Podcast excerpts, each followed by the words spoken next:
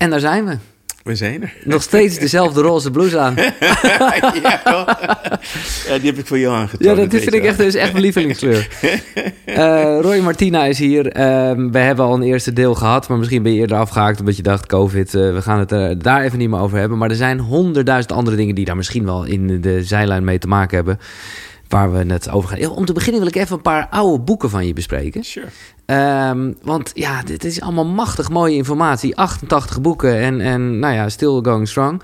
Stressvrij leven. Nou, om te beginnen, maar dit is ook in een andere tijd gemaakt. Maar kan dat eigenlijk wel? Moet je het willen? Dit is 2015. Mm. Omdat, nou ja, een beetje... Het doet mij een beetje denken aan waar we het eerder over hadden met het ego. Dat je denkt van ja, je kan het toch ook ergens voor gebruiken? Stress toch ook? Uiteraard, uiteraard.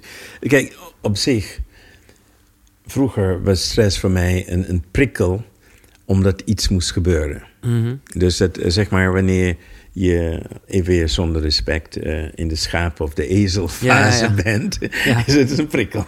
Ja, ja. Oké, En sommige mensen geloven zelf, we hebben stress nodig om in beweging te komen. Right? Dus als we gaan kijken naar de verschillende fasen van onze bewustzijnsontwikkeling, dan is, kan stress nuttig zijn. En Ja. zelfs uh, gaan brengen naar het immuunsysteem, is als je een kind zou brengen in een omgeving dat stressvrij is, dan heb je een zwak immuunsysteem. Exact. Dat is allemaal Oké. dus waar. Ja. Uh, wanneer we echt praten over stress als fenomeen, dan is het een fysiologisch fe- fenomeen. Ja. Waardoor er je, zeg je endocriensysteem, het afscheiden van corticosteroïden, noem maar op, enzovoort, enzovoort. Uiteindelijk heeft dat nadeelgevolg van je lichaam. Ja. Dus de, de, het is een dans van hoeveel prikkel heb je nodig om vooruit te bewegen. Dat is dus in feite dus het stressvrij. En het heeft ook te maken met het forceren. Het heeft te maken met willen voldoen aan de verwachtingen van anderen. Dus dat is een emotioneel iets. Het heeft te maken met het voorbijlopen van jouw grenzen. Dus al die zaken kunnen terugkomen Ja. in het stressfenomeen. En de vraag dan is, hoe kan ik op een andere manier omgaan met de dingen die mij stress geven? Dus als, als we het nemen bijvoorbeeld in een relatie. Je hebt een, een dominante partner waar je zielswil van houdt. Nou, de eerste eh, wat je gaat proberen is je partner te gaan veranderen. Nou, op een gegeven moment kom je daarachter. Kansloze, Zinloze ja, ja, oefening. Dus ergens moet je de- gaan vinden dat je de partner accepteert Ja. zoals de partner is. Nou, dan accepteer je de partner, maar kan de partner je nog stressen als je de partner accepteert? Nou, en dan kom je in de fase waarbij de partner de partner mag zijn en het heeft niet meer die stress-invloed op jou. En dan is het dus een transformatie Ja, geweest. Nou, dat doet me denken aan, dat gaat hier een beetje over, want het is vooral inderdaad heel erg accepteren en ook bewustzijn. Wees bewust van je angsten. Mhm. Eh, en en eh, in dit boekje heb je het dan al gehad over het transformeren van angst en, en nervositeit, hoe je dat eigenlijk als een soort nou ja, eh, drive ook weer kan gebruiken. En toen dacht ik, ja, ik ging ook heel erg naar mezelf kijken. Ik vond het heel moeilijk om daarbij te komen, maar dan laat ik hem lekker op jou spiegelen. Wa- Wat zijn jouw angsten? Oké, dus eh, je hebt daarbij twee, twee eh, vragen. Eén, eh, natuurlijk angst die ik heb gehad en angst die ik nog Ja. heb. Nu is mijn, zeg maar, mijn existentiële angst heeft te maken met het plan. Ja, Ja, het is meer een stukje dat ik nog niet van mezelf kende. Wie ben ik om dit te mogen doen? Dat is dus een stuk waar ik doorheen Mhm. Ja, ben, Ja. gegaan. Ja. En wat als het plan niet werkt? Dat, dat soort dingen. Dus dat is één stuk. Eh, dat is, zijn mijn grootste angsten nu. En als we kijken naar kleinere angst, heeft meer te maken van eh, mijn eh, bezorgdheid over de mensen waar ik van hou. je dochter. Ja, Ja, ja, dat soort dingen. Dat zijn meer mijn angsten. En, en niet alleen, niet zozeer het nu, maar meer van de wereld waarin ze gaat opgroeien. Dat is voor mij nog een, een bezorgdheid. Ja. En ik wil in ieder geval sterven met de gedachte dat ik alles heb gedaan wat ik kon. Dat, dat om de wereld niet alleen voor haar, maar voor de mensen een betere plek te maken. Ja. Dus die angst leidt tot een actie. Precies. Wanneer angst verlamt, dan, dan, dan, ja, dan houdt alles op. Dus je moet het transformeren naar, naar iets anders. Ja. Nou ja, daar... eh, maar goed, ja, ja, ja, ja, dit ik vind ik machtig mooi. Ehm, ik weet niet of je die... Of ja, misschien jij hebt de oefening misschien niet meer nodig. Of misschien is het een heel eh oude. Maar eh, om tweemaal per dag voor de spiegel te gaan staan... jezelf recht in de ogen te kijken... en dan eh, jezelf met één hand te masseren... en dan de, de angst-acupressuurpunten. Dus dat zit... Waar zit dat? Dat zit eh, net aan je sleutelbeen tegen je borstbeen aan. Mhm. Ja. En dan... Ja, ik heb het een beetje geprobeerd. Ik vond het best wel fascinerend eigenlijk. Dus dan ga je voor de spiegel staan en dan zeg je... ik accepteer, ik houd veel van mezelf... met mijn angst Gods liefde niet waardig te zijn, nu en continu. Ik accepteer en houd van mijn angst om onwaardig te zijn... durf dat nu ook los te laten. Ik accepteer en houd van mezelf... zelf als ik mij onwaardig voel... of niet geliefd of afgewezen voel... of gekwetst ben geworden. Mhm. Maar ergens, daarom...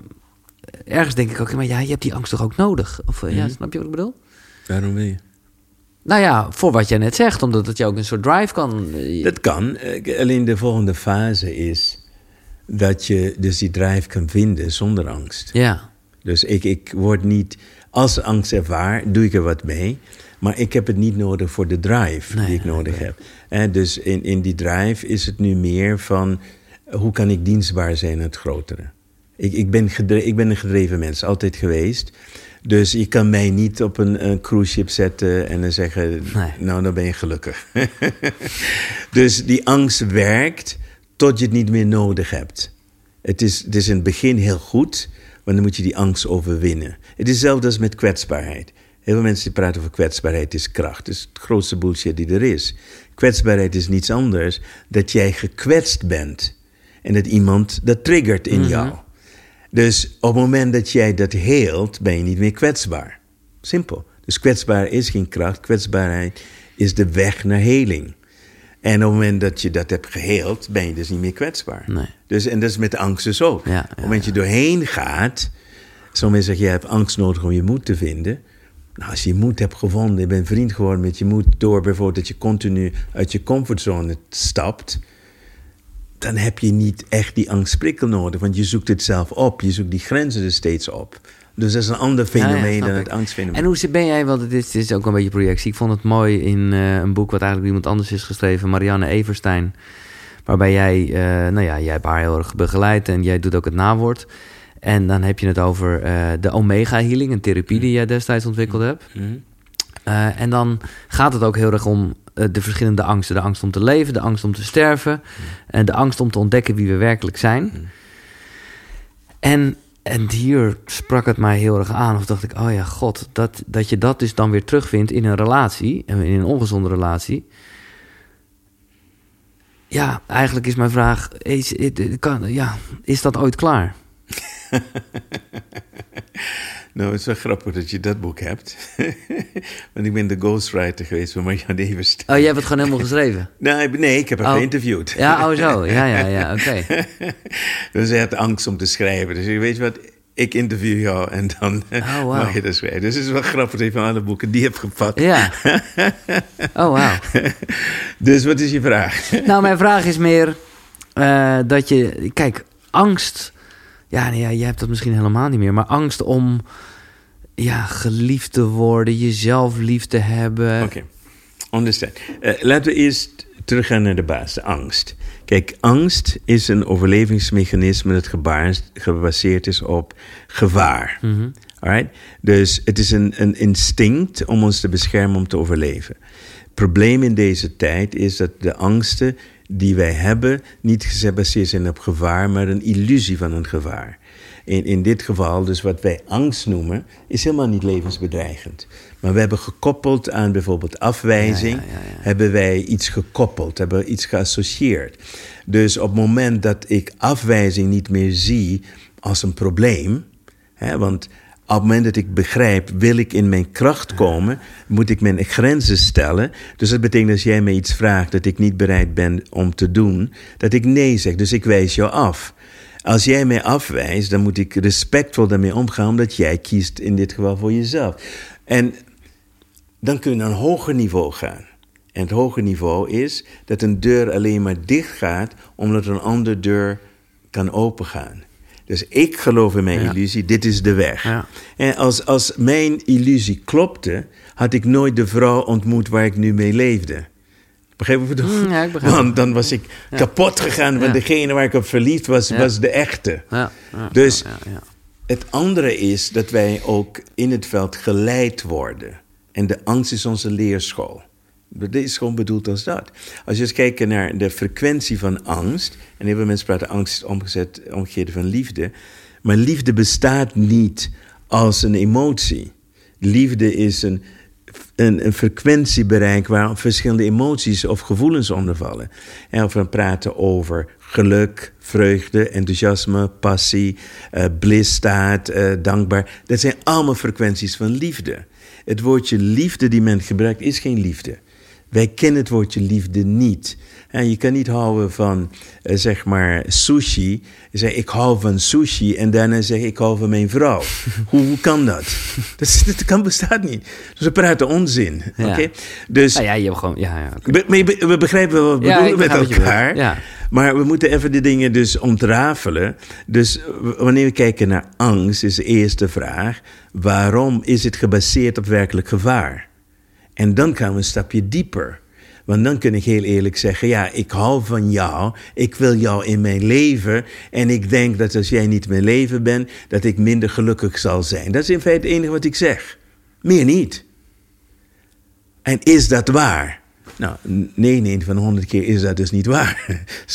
En hoe vaak moet je die oefening doen om te begrijpen dat je jezelf nog steeds voor de gek houdt? Want de volgende keer dat je verliefd wordt, doe je hetzelfde trucje. Ga je opnieuw denken, dit is het einde van mijn leven. Dus, en dat is dus, dat het angst is een leerschool tot wij angst zien voor wat het werkelijk is. Het is gewoon onze interpretatie, betekenis geven aan iets dat gewoon een illusie is van wat waar is. En dan het allerbelangrijkste van liefde is dat zolang jij liefde zoekt buiten jezelf, zul je het nooit vinden. Nee. Dus zolang het iemand anders moet zijn die het moet brengen, then you're missing the boat. Ja, maar dat is, dat is een feit. Alleen het is ook makkelijk. Ja, ik bedoel, ik vind het nogal lastig. Ik heb binnenkort een heel weekend wat gaat over verbinding met jezelf. Dus eigenlijk zelfliefde. Heb jij dat altijd gehad? Ik heb niks altijd gehad. Nee, dat weet ik niet. Nee, nee, maar ik kan me voorstellen. Nee, nee, ik zeg het een beetje zo. Omdat ik weet dat jij wel... Kijk, jij hebt gewoon heel vroeg een ongeluk gehad. En ik kan me ook voorstellen dat dat gewoon... Ja, eh, ergens ook een soort zegen geweest is. Omdat je gewoon dan ook... eh, ja, gewoon weet waar het leven al over gaat of zo, weet je? Nou, we- weet je, ik was te jong daarvoor. Het enige wat ik wist, ik was een jaar of twintig, is ik ben uit mijn lichaam geslingerd, ben ergens anders terechtgekomen. Ik weet dat een andere wereld bestaat. En dat die wereld duizend keer prettiger is dan deze wereld. Dus in eerste instantie zijn er twee dingen bij mij gebeurd. Eén is de doodsangst die ik had, die, die veranderde in iets anders. Dat is dus één. Tweede was dat ik nu- namelijk veranderde in levenslust? Of, eh, nou, nee, wat er dus gebeurde is dus eh, dat ik niet meer bang om dood te gaan, maar waar ik werd bang om te verliezen. ja, ja, ja, oké. Hè, dus het, het leven, ik weet dat er iets beters op me wacht, maar ik wil dit wel ervaren Ja, ten zijn ja. volste. Dus het is het gehechtheid aan het leven dat mij dus vasthoudt aan het leven. Ja. Ik zeg dus, ik ben niet van, ja, als ik morgen dood ga, voel ik me geweldig. Nee. Ik wil helemaal niet morgen Nee. dood. Nee. Dus mijn gevecht daarna was om niet, dit, eh, hoewel het doodgaan prettig is, het prettigste wat er bestaat, wil ik het niet. Dus toen ik ook eh, het gevoel van verlichtheid had, eh, het, diepste vorm van liefde ervaart voor iedereen, Nou, dat bedoel ik, ja. was het ook voor mij, ja, maar dit ben ik nog niet klaar voor. Nee. Ik wil dit nog niet. Ik wil dit best als ik 90, misschien 100 ben. Maar nu heb ik te veel dingen te doen. Snap je? Dus dit zijn allemaal die conflicten die dus eh, in feite dus oproept. Nu, wat je dus moet weten als jij praat over eigenliefde, dat bestaat niet. Er bestaat geen eigenliefde. Oké. Dit is gewoon onzin. Het bestaat niet. Je kan niet zeggen, ik hou van mezelf. Want dan moet je een onderscheid weten tussen ik en zelf. Ja, ja, ja. Wat is het ik? Nee. Wat is dat wat, wat, wat houdt? Als ik dat moment over na ga denken. eh, Mensen die- in de spiegel kijken, ik hou van mezelf. Wat een grote onzin. Met wie praat je? Ja. Wie ben je het overtuigen? Dus een veel betere weg en, en, eh, is dus te ontdekken dat jij reeds liefde bent en niets anders kunt zijn. Dus dat is, dat is de, de Mooi. crux hier. En als ik dat weet en dat mijn taak is in hier op aarde, en dat is in feite het goddelijke in ons, is het kunnen ontdekken van wie wij niet zijn. Dus om, mijn emotie kan ik niet zijn. Ik ben het niet. Ik kan niet mijn gedachten zijn. Dus ik, dit is een, een spel waarbij ik continu op zoek ben, wat ben ik wel, wat ben ik niet. Ik ben liefde. Ik weet dat ik liefde ben, maar ik kan er niet altijd bij.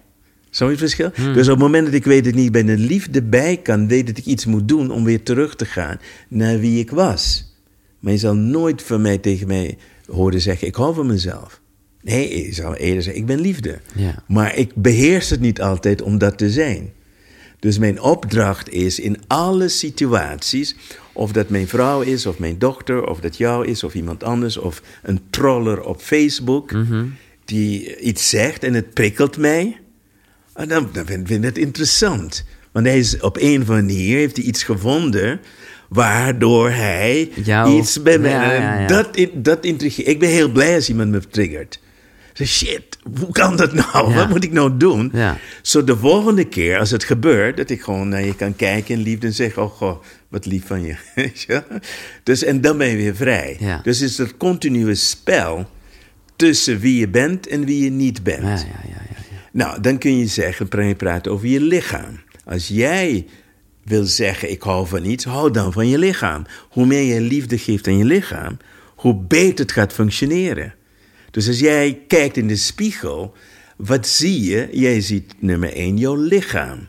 Nou, de meeste mensen, die behandelen een hond beter dan hun lichaam. Ja? Ze kijken en zeggen van, Jezus man, dat ziet er niet goed uit. Alles hangt. Weet je, ik ben oud geworden. Dit, ja, dan weet je wat opsmeren of wat dan ook. Je bent continu negatief aan het praten tegen je lichaam. Terwijl je lichaam je beste vriend is in de derde dimensie. Dus ga anders praten met je lichaam. Dus in de spiegel kijkt, zeg, hé, hey, je bent er weer. Wat fijn dat je weer bent opgestaan vandaag. Nou, als je zo gaat praten tegen je lichaam, dan zal je zien dat je lichaam veel beter gaat functioneren. Dat is het stuk waar je van je moet houden. Niet van jezelf, want er is geen zelf. Dat ben je al. Dus als we dat vertalen naar je spiegelbeeld, dan is een heel ander verhaal. Dan, dan, dan, dan makes sense. Dat kun je ook meten. Dus als iemand liefdevol met een lichaam omgaat, gaat lief dan weten presteren. Nice. Nee? En is dat wat je net zegt, eh, is dat een beetje wat het non-dualisme is? Nou, non-dualisme is complexer omdat het niet bestaat. Het is een streven. Dus net als perfectie niet bestaat, Ja, ja, je kan niet non-dualistisch zijn. De enige manier om non-dualistisch te zijn, is niet in de derde dimensie te zijn. Nee. De derde dimensie per definitie is dus gepolariseerd. Ja, oké. Dus op het moment dat je hier bent, zit je in de polarisatie. Nu is de vraag, hoe dient die polarisatie jou? De polarisatie is een manier om uit te vinden wat pijn doet en wat plezier geeft. En dan heb je twee soorten plezier en je hebt twee soorten pijn. Je hebt echt plezier Ja. en je hebt vals plezier. Je hebt echte pijn en valse pijn. Oké, we gaan ze dus- even ontleden. ja. Laten we beginnen met plezier. Ik denk wel een beetje, een beetje te weten waar je naartoe gaat, maar ik hoor het graag. Eh, vals plezier. Ja, vals plezier is alles wat je nodig hebt om een beter gevoel in Ja, jezelf korte te creëren. termijn, eh, ja. Ja, niet dat het slecht is, Nee. Maar je moet wel weten dat je, je hebt dat middel niet nodig. Zolang je, dat middel laat je zien wat je in potentie reeds kan. Dus dat wil zeggen, dus als het moment dat ik weet ik wat mijn, mijn lekkere wiet rook, niks mis mee, geeft het mij te kennen wat ik reeds heb. Want het kan me niets anders laten zien dat er reeds in mij is. Doe je dat regelmatig nog? Nee, ik rook niet. Ah, oké. Nee, je zei het zo, ik denk oké. Nee, nee, nee, nee, nee, nee, nee, nee. Het, het gaat niet daar. Het is een voorbeeld. Ja. Eh, Oké, en dan ik- echt plezier. Dus echt plezier is dat wat niets nodig heeft. Dus opstaan en dan- je hebt je plezier al. En je realiseert, wauw, ik heb weer een dag. En je denkt, shit, wat kan ik vandaag creëren? Wat kan ik dus doen? Dus dat is wie jij werkelijk bent. Dat ben jij. Oké, neppijn. Neppijn is dus de illusie dat er iets van jou ontnomen wordt. Dat is neppijn. Dus dat is het bezit willen hebben van iets. Ja, ja, Dus als ik me niet goed voel, dan eh, zoek ik naar een reden buiten mezelf om te verklaren waar ik me niet goed voel. Dus ik ga iemand beschuldigen. En Mijn vrouw, mijn dochter, mijn baas, mijn wie, maar dan ook. Dat is neppijn. Ja. Want dat betekent dus dat je iemand anders jouw macht hebt gegeven, terwijl ze dat macht niet hebben. En als je het anders benadert, is die ja, pijn er want niet. die, die, die persoon kan me geen pijn doen. Nee, nee, oké. Echte pijn? Echte pijn is dus in feite wanneer iets mis is in jouw systeem. Ja. Waar je naar moet kijken. En dat kan eh, zeg, eh, iets medisch zijn, kan het zijn. Het kan zijn dat je iets ervaart. Dus het is niet gebonden aan iets buiten jezelf. nee. En Maar dan nog Echte pijn eh, is de uitnodiging tot onderzoek. Ja, precies. Want ik wil net zeggen, die heb ik uit een van jouw boeken, vond ik echt mooi. Pijn is slechts bewustwording van wat moet worden genezen. Precies, dus dat is die onderzoekuitnodiging. Dat is alles wat het is. Ja. En op het moment je zo simpel maakt, want het gaat dus om, om die simpelheid, en dan kun je er met andere ogen naar kijken. van is het echt plezier? En er is niks mis met nepplezier, zolang je weet dat jij dat ook kan. Al die Ja, mensen die, die rennen, ayahuasca, dit en dat Ja. soort allemaal Heb je het ooit gedaan? Chocola- Natuurlijk heb ik het moet alles uitproberen. Ja, nee, oké. Maar ik heb geen ayahuasca nodig Nee. om te doen wat Nee, ik nu wil doen. Dus maar ik heb wel van ayahuasca geleerd wat Ja. mogelijk is. En dan ga je een weg Nou ja, zeker. Ik moest eraan denken omdat jij ook eh, heel erg met de Amazone bezig bent. Ja. Dus ja, dat associeer ik dan eigenlijk automatisch gelijk met plantenmedicijn en dergelijke. Ja, ja, dat is het ook. Dus, maar, dus ik, ik ben in de Amazone geweest en dan heb ik dus eh, van lokale shamans heb ik al initiaties gehad, maar er waren geen kruiden bij. En dus eh, in Suriname hebben ze iets heet Winti. Ik weet niet of je van Winti hebt gehoord. Nou, Winti is wanneer de mensen echt in een soort trance geraken. En dan gaan ze normaal dansen of springen en ziet het lichaam bewegen enzovoort enzovoort. En zij denkt dat het geweldig is. Complete onzin, maar in Suriname is het hot. Eh, Winti, dan ben je, ben je wat. Complete onzin. Wanneer je minstens Winti krijgen, Ja. is het niets anders dat dus geesten, met name de geesten van het oerwoud, Oh, neemt ten over. Een beetje met jou aan het spelen zijn. Ja, die hebben plezier, die Ja, willen dansen en die gebruiken jou. En die denken, wauw, ik ben geweldig. Maar wat heeft ayahuasca jou dan wel gegeven? Nou, ayahuasca heeft mij laten zien in het veld waar ik naartoe moet gaan. Ja. Dus heeft de deur geopend. Het was gewoon één opening. Ik zei, oh, dit, zo, dit kan ik ook ervaren. Ja. Ik, ik kan dus ervaren die, dat gevoel van eenheid met alles wat er Ja, is. Noem op. Maar Dat exact. is één manier om het te doen. Ik kan ervaren van, hé, hey, wat is mijn zielenpurpose, whatever it is. Ja. Dus het is één manier. Het is op zich een goede manier. De vraag is, moet je, moet je in die cirkel blijven ayahuasca nodig hebben Nee, dan... eh, of niet? Dat is dus het, het, het, het verschil. ja, En ik denk dat het absoluut fantastisch is dat mensen het meemaken, dat ze weten wat mogelijk is. Nou ja. Dat is het verhaal. Precies, want ik denk dat het... Dat het ja, het universele ineens wel eventjes... Dat je Het maakt het een stuk makkelijker. Nou ja, en daarna Ja, moet je het allemaal nog wel... Ja.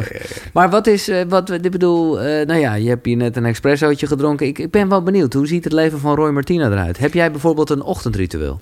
Ah, ja, ja, ja, ja. ja. Oké. Dus absoluut. ehm, ik zou niet weten wat ik er zonder mee moet doen. Maar goed, in ieder geval. Nee, oké, dan wil je dat met ons Dus delen? voor mij is het ochtendritueel is dat ik minstens een half uur in het veld ben. Ja. Dus ik breng mezelf in wat ze noemen in een theta-brain staat. Dus je hebt eerst beta, ben je wakker. Alpha is wanneer je begint te ontspannen. En theta is ben je in principe niet meer in de driedimensionale wereld. Dus dan spring ik, ik noem dit kwantumreis, ik spring naar de wereld waar ik wil zijn. Dat is de wereld die ik wil creëren. Maar, jij, maar, maar mag ik dit mediteren noemen of is dat echt wat anders? Nee, mediteren is totaal anders. Oké. Mediteren heeft ook een heel andere intentie in die zin. Wat, waar, waar we met elkaar overeenkomen is dat eh, een goede mediteerder dus makkelijk in staat is naar theta te gaan. Ja, En maar wat is jouw intentie met de meditatie is heel anders. Dus de een die zit daar gewoon in het niets. ja, De ander die krijgt openbaring, spreekt met God. De ander die krijgt een ingeving. Of een ander valt in niets. Dus daar is nee, meeste... maar jij zit in het kwantum... ja, eh, ik, ik, ik ga me met één doel. Ja. En mijn doel is om zoveel mogelijk details van de toekomst te krijgen, zodat ik het hier kan verwerken en reeds kan wennen aan de situatie waar ik straks in ga zijn. Want Dat doe je gelijk nadat je bent opgestaan, ga je half ja, ja, dat, dat ga ik dus eh, dat doen. En dan afhankelijk van waar ik ben en wat ik dus doe, dan is het meestal dat ik eh, zeg maar lichamelijk eh, iets ga doen van, van mijn lichaam. Beweging voor mij het meest belangrijke is de, wat ze noemen de, de ehm, high intensity. Dus dat is voor Ja, mij ja. heel belangrijk. Dus dat, eh, want dat is, hoef je niet lang te doen, maar het Nee. moet- het is zo intens mogelijk. Dat je echt je hartslag boven het normale uitsteekt. En de reden daartoe is dat je daarmee met name wat ze noemen je heart rate variability dus beïnvloedt. En je heart rate variability is een van de meest objectieve manieren om aan te tonen hoe lang je gaat leven. Dus hoe beter je heart rate variability, hoe lang je leeft. Dus je, want, want ze zeggen wel eens zoveel hartslagen eh, je hebt, eh, is gewoon, dat, je- dat is gewoon gecount, zeg maar. Zoveel hartslagen heb je, dus als je het een beetje omlaag haalt, dan leef je langer. Nee, dat is onzin. Oh, Dat is, oké. helaas, sorry. Nee, nee, dat is, maar eh, dat- dat ik is- ben blij dat nee, dat- ik weet niet wie dat heeft verzonnen, maar... dat is- kijk, je hebt namelijk twee dingen. Je hebt één ding, is dat... eh, vooral mensen bijvoorbeeld die mediteren of mensen zoals ik die heel veel sporten. eh, mijn hartslag, als ik in rust ben, kan gaan naar 40, soms onder de 40. Dat is één ding. Eh, dus voor normaal heb ik een lage hartslag. Hè, dat is één. Ja. En dus dat betekent dus dat je, je balans tussen sympathisch en parasympathisch meer naar parasympathisch en sympathisch. Dus wat betekent het? Dat je dus minder in stress bent. Meer is het dus niet. Dus je hartslag geeft ook aan van de stress. De heart rate variability is dus iets anders. Dat is de ruimte tussen de hartslagen in. Dus als ik 60 slagen per minuut heb, laat zeggen dat is het, Ja. dan zouden de meeste mensen aannemen dat elke seconde zo'n hartslag is. Dus dat het eh, net als een Zwitser Klinkt klok. logisch, ja. dat is logica. Ja. Maar dat is dus, dat Is- zo is het dus niet. Als dat zo zou zijn, Ja. dan sta je met twee voeten in het graf. Oké. Want is geen, je hebt geen flexibiliteit. Nee, oké. Als je inademt, heb je dus die longen vul je en dan zet je pressie op het hart. Ja. Dus die hart moet zich aanpassen. Dus de flexibiliteit van het hart is dus continu bezig. Hoe, hoe rigider jij wordt in die aanpassing, hoe dichter je bent bij de dood. Nu is dit uitgevonden in Rusland. En dit is 100% zuiver wetenschappelijk. De meeste wetenschap gebruikt het niet omdat ze daarmee zouden zien, zoals je dat de prescriptiemedicijnen je dichter brengen bij de dood. Ah. Vandaar hebben ze het dus niet over. Maar, eigenlijk moet je harder gaan tuk, tuk, tuk, tuk, ja, tuk. ja, ja, dus daar zeggen, eh, eh, hier Ja. 1 seconde, 0,8 Ja, seconden, 1,2, Totale 1,3. chaos. Hoe meer Ja, oké dan. hoe lang je leeft. En dus, er zijn een aantal manieren om dat te verbeteren. Eén is eh, normale meditatie, eh, eh, yoga, noem maar op. Maar de snelste manier is dus high intensity. Ja.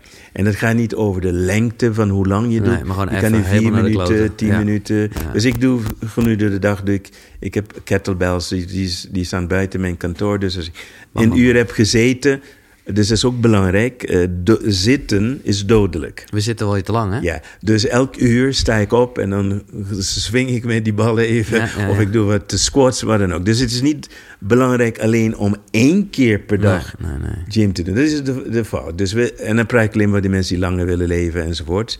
Als ze niet interesseert. Doe je helemaal niet meer, want eh, jij had nog een, eh, ik, ik, en ik heb dat ooit een paar keer mogen doen, Qigong. Ja, en daar had jij een soort eh, richting, ik weet even niet meer. Ja, ja, ja. Chi, Dus- chi nog wat? Ja, ja, of, eh, Qigong. Ja. Ja, Qigong. Ja, dus we hebben toen eh, geleerd in een ziekenhuis in, in China. Dat was van een, een dokter Pang Ming. En daar kwamen de mensen 30 dagen, bleven ze in het ziekenhuis. En daar leerden ze Qigong, niks anders. Niks met voeding, niks.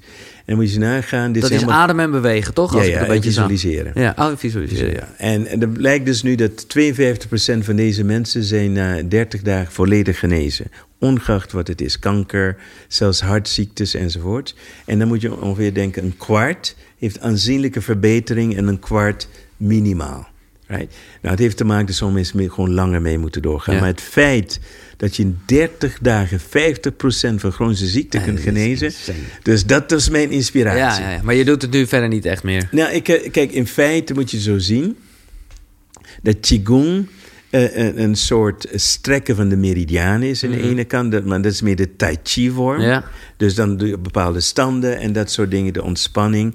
Dus het is een soort eh, meditatie in beweging, gekoppeld aan visualisatie. Ja, ja, ja. Dus ik, ik, wat ze noemen, eh, het eh, chi opscheppen. En dan moet, zien ze, eh, dus in de China zeggen ze niet, niet over chakras, ze over de drie verwarmers. Je hebt dus in de buik, de borstkas en het hoofd.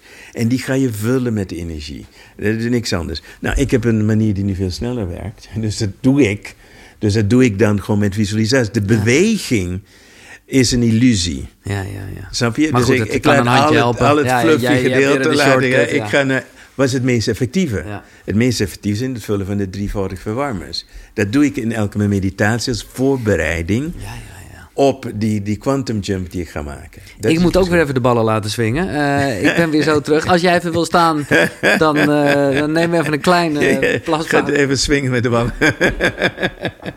geen, geen beelden erbij, hè? Eh, Niet visueel, dames. Ja, we zitten nog een beetje in je ochtendritueel. Tenminste, ik weet niet of je hem ook... Ja, ik weet niet of Oké, dus eh, zeg maar, dan, dan ben ik, eh, vanochtend bijvoorbeeld ben ik het uur in het veld. Ik kwam er niet uit. Ik, ik, ik, Oké, wat, Ik, eh, ik, kwam, ja, ja. ik kwam, kwam er niet uit. En dan doe ik het smiddags nog een keer. Dus, dus zeg maar, de ochtendritueel is nee, maar de ochtendritueel is dan... Is je- dus- dus na de het- beweging. Dus in het veld, dus Ja, daar breng ik tijd door. En dat is de bedoeling, en dat doen we dus in feite... Je, mijn rolmodel ben ik zelf in de toekomst. Ja.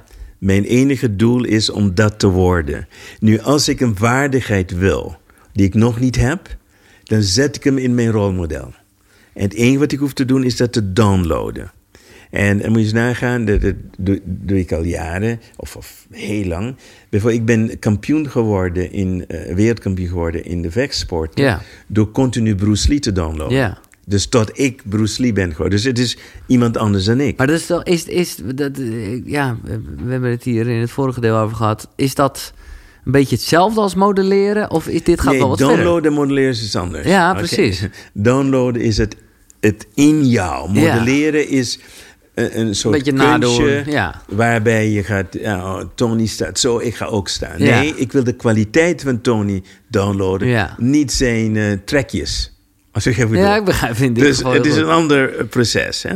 En, en wanneer ik, dus vroeger deed ik dat zo. Dus toen ik een boek eh, ging schrijven, na mijn eerste boek wilde ik nooit meer een boek schrijven. Toen werd ik, eh, mijn boek werd een bestseller. Dus toen kwamen ze kloppen aan mijn deur. En toen ben ik gaan zoeken naar een rolmodel, was Deepak Chopra. Dus ik heb Deepak Chopra in mij gedownload, zeg maar even zo. Oké? Nou, dus nu, dat is, doe ik dat niet meer, want nu heb ik mezelf. Dus één wat ik hoef te doen, is te gaan naar mezelf in de toekomst, waar ik die vaardigheden reeds heb. En dat is vele malen makkelijker om te doen dan wanneer ik iemand zoals Tony Robbins zou nemen of een Ja. Deepak Chopra. En dat Ja. ben ik. Ja, ja, ja. En dan is er onbewust, weet ik dat ik dat kan. Is dus een kwestie van. Maar jij hebt dan, om het maar even zo uit te leggen, iemand gepakt in dat multiversum. Dus iemand die rechts is gegaan bij die, daar ging je links bij die, die. En dat is wat je. En, en daar ga je die down. Want je, er zijn honderdduizend Roy's die je kan downloaden in de toekomst. Ja, ja, absoluut. Maar dus de, de, wij noemen het coördinaten. Dus als je gaat springen. Kijk, als je eens gaat kijken, ik ben bij Joe Dispenza geweest, die doet heel anders. Wat voor gast is het? Is het een leuke gast? Eh, ja, op, ik vind wat hij doet fantastisch. Ja, nee, ik absoluut. ook. Maar ja, je we, hebt ze hebben een paar kleine dingen waar we in verschillen, maar... Oké, eh, wat dan? eh, nou, eh, kijk, dus is het verschil. Hij brengt de mensen naar het niets. En dan zegt hij, you are nobody, you are nothing, you are nowhere, no time. You are in space. Dus hij brengt je naar Ja, niets. Ja. En daar gebeurt het. Nou, dat is perfect. Mooie dingen gebeuren enzovoort.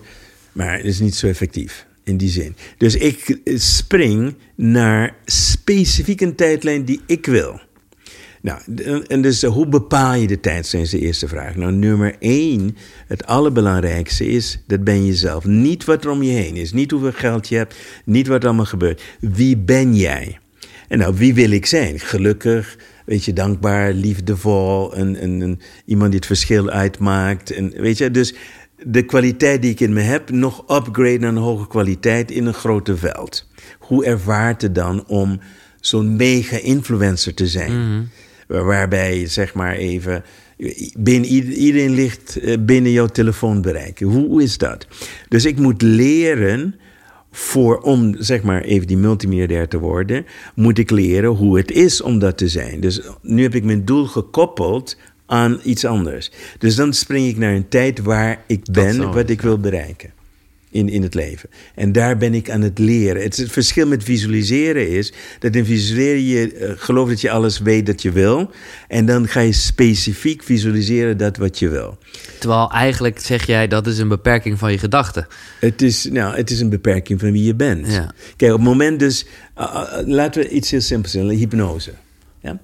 Als je gaat naar één hypnotiseur toe... of je gaat bijvoorbeeld naar wat ik mensen leer hoe hypnose is. Een hy- normale hypnotiseur... die bestart vanuit zijn eigen beperkingen. Het is een schaap. Je een schaap die een ander schaap gaat hypnotiseren. Dus wat eruit komt is altijd een schaap. Meer is er niet. Dus in het kwantumveld is het eerste wat je dus doet, is dus iemand vertellen dat je die box moet open gaan gooien. Die mind moet gestretched worden naar alles is mogelijk. En op het moment dat alles mogelijk is, dan kan ik in het oneindige duiken en daar kan ik vinden het onmogelijke en daar kan ik een verbinding mee maken. Dus als je aan mij zou vragen, tien jaar geleden, van zie jij een weg om miljardair te worden? Dus dan zou ik zeggen, niet eens geïnteresseerd. Het zit niet in mijn bewustzijn. Nee. Maar dat wil ik niet. Want ik zie een, een miljardair alleen maar met problemen. Gedoe, ja, ja. Snap je? ik begrijp wat je bedoelt, ja. Maar nu in het kwantum laat ze zien, het kan heel anders. Hmm. En dan is het plezier, het is geen werken. En daarom wil ik een luie miljardair zijn. En nu is het allerbelangrijkste. Dat het me niet uitmaakt of ik ooit een miljardair word of niet. Het is een doel. Nee, precies. Het is wie ik word Ja. naar het doel. Ja. En hoe hoger je doel wordt, hoe meer kwaliteit je jezelf moet gaan ontwikkelen. En dat is dus het werkelijke doel en niet het geld. Het geld is gewoon een illusie. Dat is alles. Heb je nog andere routines eh, later op de dag, misschien voor het slapen gaan? Dingen die Ja, je ja, dus voor het slapen gaan is het zo, is mijn intentie om gedurende de nacht... Je, je kent het fenomeen van lucide dromen. Ja, dat je kan sturen waar je Ja, precies. Nou, ja. Dat doe ik dus niet. Ik zou dat eh, willen, maar dat, dat vind ik nog niet belangrijk. Dus voor ik ga slapen, dan eh, ga ik een, eh, zeg maar de intentie zetten om gedurende de nacht in het veld te zijn. En ik zet ook een intentie hoe ik wakker wil worden. En, en ook daarnaast de intentie van mijn lichaam. Dus voor het slapen gaan zijn een aantal dingen die belangrijk zijn. Eén is wat we noemen de lange termijn intentie. Dus bijvoorbeeld, als je zegt van ja, hoe wil je sterven? Ja. Ah, nou, ik wil eh, op een prachtige mooie leeftijd sterven. En dan is het, dat is het, de lange termijn. Dan heb je de meer korte termijn dingen, is wat wil ik dan creëren, dat is één. En dan heb je gewoon de meer de praktische zaken. Eh, zijn er conflicten die ik moet oplossen? Die los ik in de nacht op. En de be- belangrijk, hoe sta ik morgenochtend op? Dus ik ben aan het visualiseren hoe ik wil opstaan. En dat is nog belangrijker als de nacht kort is. Stel je bijvoorbeeld, jij slaapt acht uur per nacht en je hebt een nacht dat je alleen maar vijf uur slaapt. Dus wat visualiseer je je vijf uur gaat slapen? Hoe je de volgende dag wakker wordt. En dan ben je al moe voordat je wakker wordt. Terwijl als je even vijf minuten zou nemen Om, en de ja. tijd zou nemen om te beslissen hoe je wakker wil worden, dan word je op die manier wakker. En hoe ma- vaak je doet, hoe meer je daarin wordt. Stel je voor dat je ziek bent, dan word je elke dag iets heler op. Wa- sta je op. Dus het gedurende de nacht geef je aan je lichaam de opdracht om zichzelf te helen. En je ziet jezelf opstaan een stukje vitaler, gezonder enzovoort. Dit werkt als een tierenlier. Dus het is, eh, heel veel mensen zeggen van ja, ik heb zes uur eh, slaap. Ik slaap gemiddeld vijf uur. Maar ik heb het geprogrammeerd en getraind dat Ja. mijn lichaam wakker wordt Ja. op het moment mijn lichaam klaar is met het proces. Ja, want ik zou wel, ik vond het namelijk heel goed dat je daar in één boek een beetje op terugkwam. Mm. Eh, zo van, ja, vroeger dan sliep ik ook heel weinig. En Mm. dat, dat is hetzelfde geldt voor mij. En ik ben daar, ik weet je, kon daar prima mee omgaan. Maar ik vind het over het algemeen wel goed om op zijn minst in ieder geval naar buiten toe wel te zeggen dat je echt 7 à 8 uur slaap nodig hebt. Maar dat is niet waar. Ja, maar ja, je wilt toch ook een beetje het goede voorbeeld geven, Roy? Van wie? Nou ja, gewoon. Nee, het gaat niet om hoe lang je slaapt. Kijk, op het moment dat jij zegt het moet 7 of 8 uur zijn, heb je jezelf gevangen gezet in een corset. Waar het om gaat is. Dat je goed slaapt, ja. nee, is, is jouw lichaam klaar met slapen? Ja. Als ik vijf uur slaap, is niet omdat ik vijf uur wil slapen. Ik geef aan mijn lichaam de opdracht, word wakker als je klaar bent. Ja. Of het vijf uur is, of acht uur, of negen uur, of tien uur. Ik heb de luxe, dat normaliter, tenzij je een afspraak. Ja. hebt. Ik heb nooit een afspraak voor tien uur. Dus dat is één ding. Dus je wil in feite niet jezelf vastzetten in routines. De, de persoon die... eh er is een, een vrouw in eh, Engeland... die heeft haar hele leven niet meer dan twee uur geslapen. Zonder, zonder dat ze deprivatie heeft. Ja. Elon Musk heeft uitgevonden precies hoeveel slaap hij nodig heeft om goed te kunnen functioneren. Dus het, heel veel mensen zitten in routine dingen. En dan wordt er dan gezegd, ze hebben al die schapen doorgemeten en zeggen ze, je hebt zeven tot acht uur nodig. En daarmee zetten ze heel veel mensen vast. Ik heb zoveel mensen gehad, vroeg in mijn praktijk, die kwamen met slapeloosheid, omdat zij dachten zoveel uren Ja, moesten zo. slapen. Nee, oké, nou ja, ik zeg het gewoon voornamelijk omdat ik mezelf vooral heel lang heb wijsgemaakt dat ik niet zoveel slaap nodig had. En dat was dan ook zo. En ik heb prima gefunctioneerd. Maar achteraf gezien, nou weet ik niet of dat nou zo gezond was. Het is oké, je staat nog. Zo is het. Ja, toch? Ja, nee. Ja, maar je hebt het uitgeprobeerd. Ja, ik heb het op zijn minst uitgeprobeerd. Ja. En ik vind, om daar nog even op in te haken... kijk, vastzitten in routines. Ja, we hebben het hier eerder gehad over, over hè, discipline en zo. Het is toch, eh, ja, dan, het is toch wel lekker om een soort moeiteloosheid, zeg maar... Ja, maar die erin- moeiteloosheid zit in de communicatie met je lichaam. Ja. Kijk, als, als je nu de klokjes laat zeggen, nu zetten ze één uur. Ja. Je kijkt door en zegt, ja, ik moet nu gaan lunchen.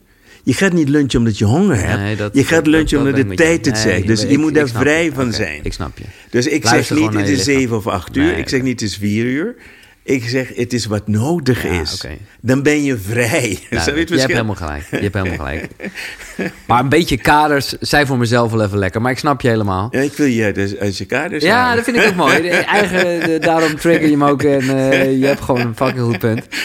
Eh, Roy, ik heb jou gevraagd, eh, zoals ik elke gast doe, om drie boeken uit te zoeken die in jouw reis, in jouw leven, in jouw fantastische, waanzinnige leven, waar we het eigenlijk nog veel te weinig over gehad hebben, maar goed, eh, een rol hebben gespeeld. Nou heb je zelf al 88 boeken geschreven, maar het ging maar eventjes om boeken die op welke manier dan eh, in jouw leven een rol hebben gespeeld. Ik ben benieuwd. Ja, nou, een, een heel simpel boekje eh, was van Deepak Chopra. Dat was gewoon De Zeven Spirituele Ja. Wetten. Het was zo... Wanneer, wanneer las je hem?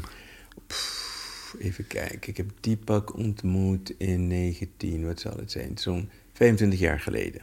Dus toen begon mijn reis met Deepak. We hebben een tijdje ook samengewerkt. Ook uh, cursus met hem gegeven. Ja. En eh, ik vond... Kijk, Deepak is een super filosoof. En wat ik mooi vond was in dat boekje dat het allemaal zo simpel was. Dat, was, dat is mijn inspiratie. En, en het is een boekje dat heel veel mensen zal inspireren. Nou, een ander boekje dat heel veel inzicht heeft gegeven over frequenties was een boek van uh, was Hawkins en dat heet Power versus Force. Ja.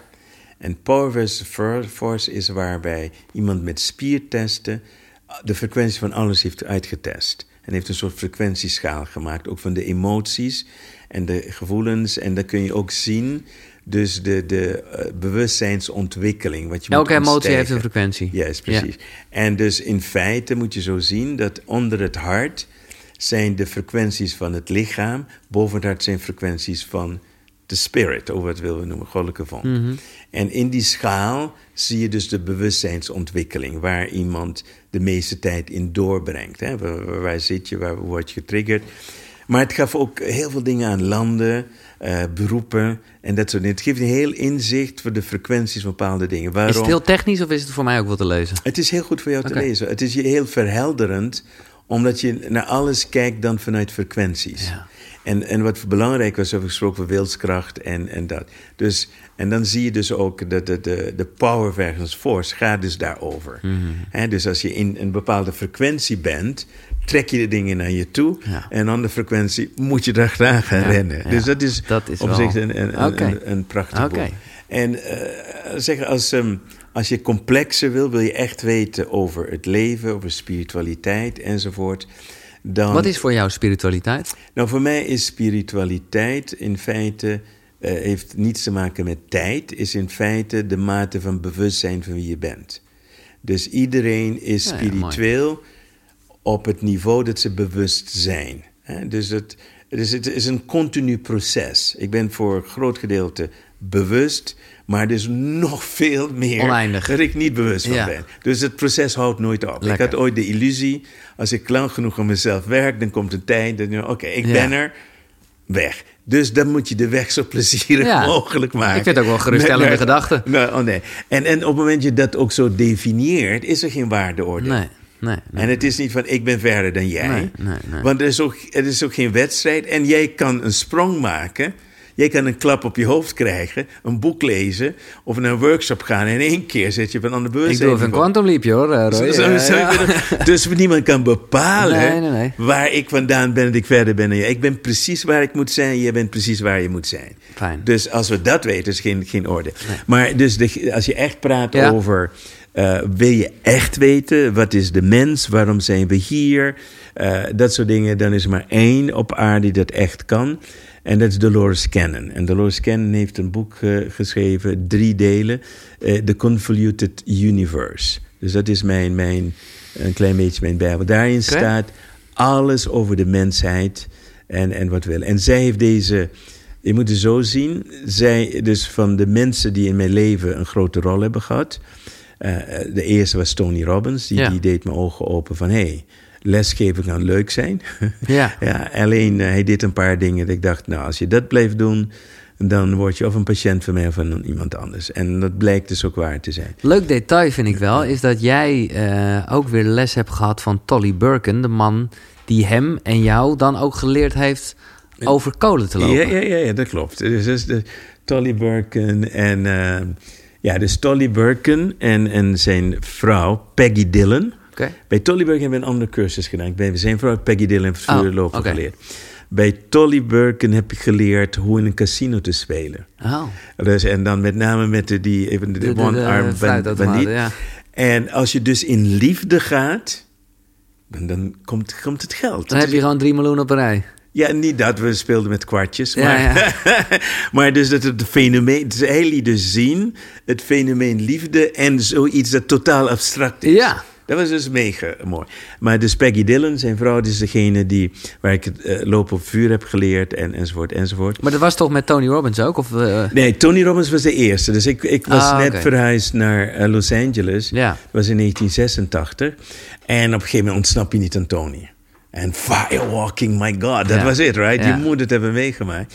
Dus toen ben ik gegrepen door de Tony Robbins virus. En je moet zo zien dat Tony Robbins is de meest mentale persoon hier op aarde. Dat wil niet zeggen dat hij niet spiritueel is, maar hij werkt met systemen, structuren enzovoort. En als je praat over groot ego in die termen, it doesn't get bigger than Tony, right? Dat is Tony. Met alle goede dingen erop. Ja. Ik, heb, ik heb echt... Hij was dus een van die momenten dat je dus een slag mag in leven. Toen kwam ik bij Deepak Chopra uit.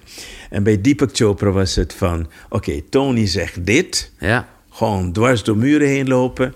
Deepak Chopra is, ga maar eerst lekker mediteren en laat het gebeuren. En dan oké, wat wil je? Ergens maar dit klinkt beter. Ja, ja, ja. En ik ben ergens tussenin gaan zitten. ik wilde niet Deepak zijn enzovoort. En, en dan kom je bij Dolores Cannon. En Dolores Cannon was de eerste hypnotiseur die ik tegenkwam...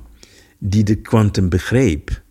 Die ook begreep dat wanneer je iemand hypnotiseert... dat je in het kwantumveld kunt brengen. Zij heeft bijvoorbeeld drie boeken geschreven over Nostradamus. En waarom zijn die boeken interessant?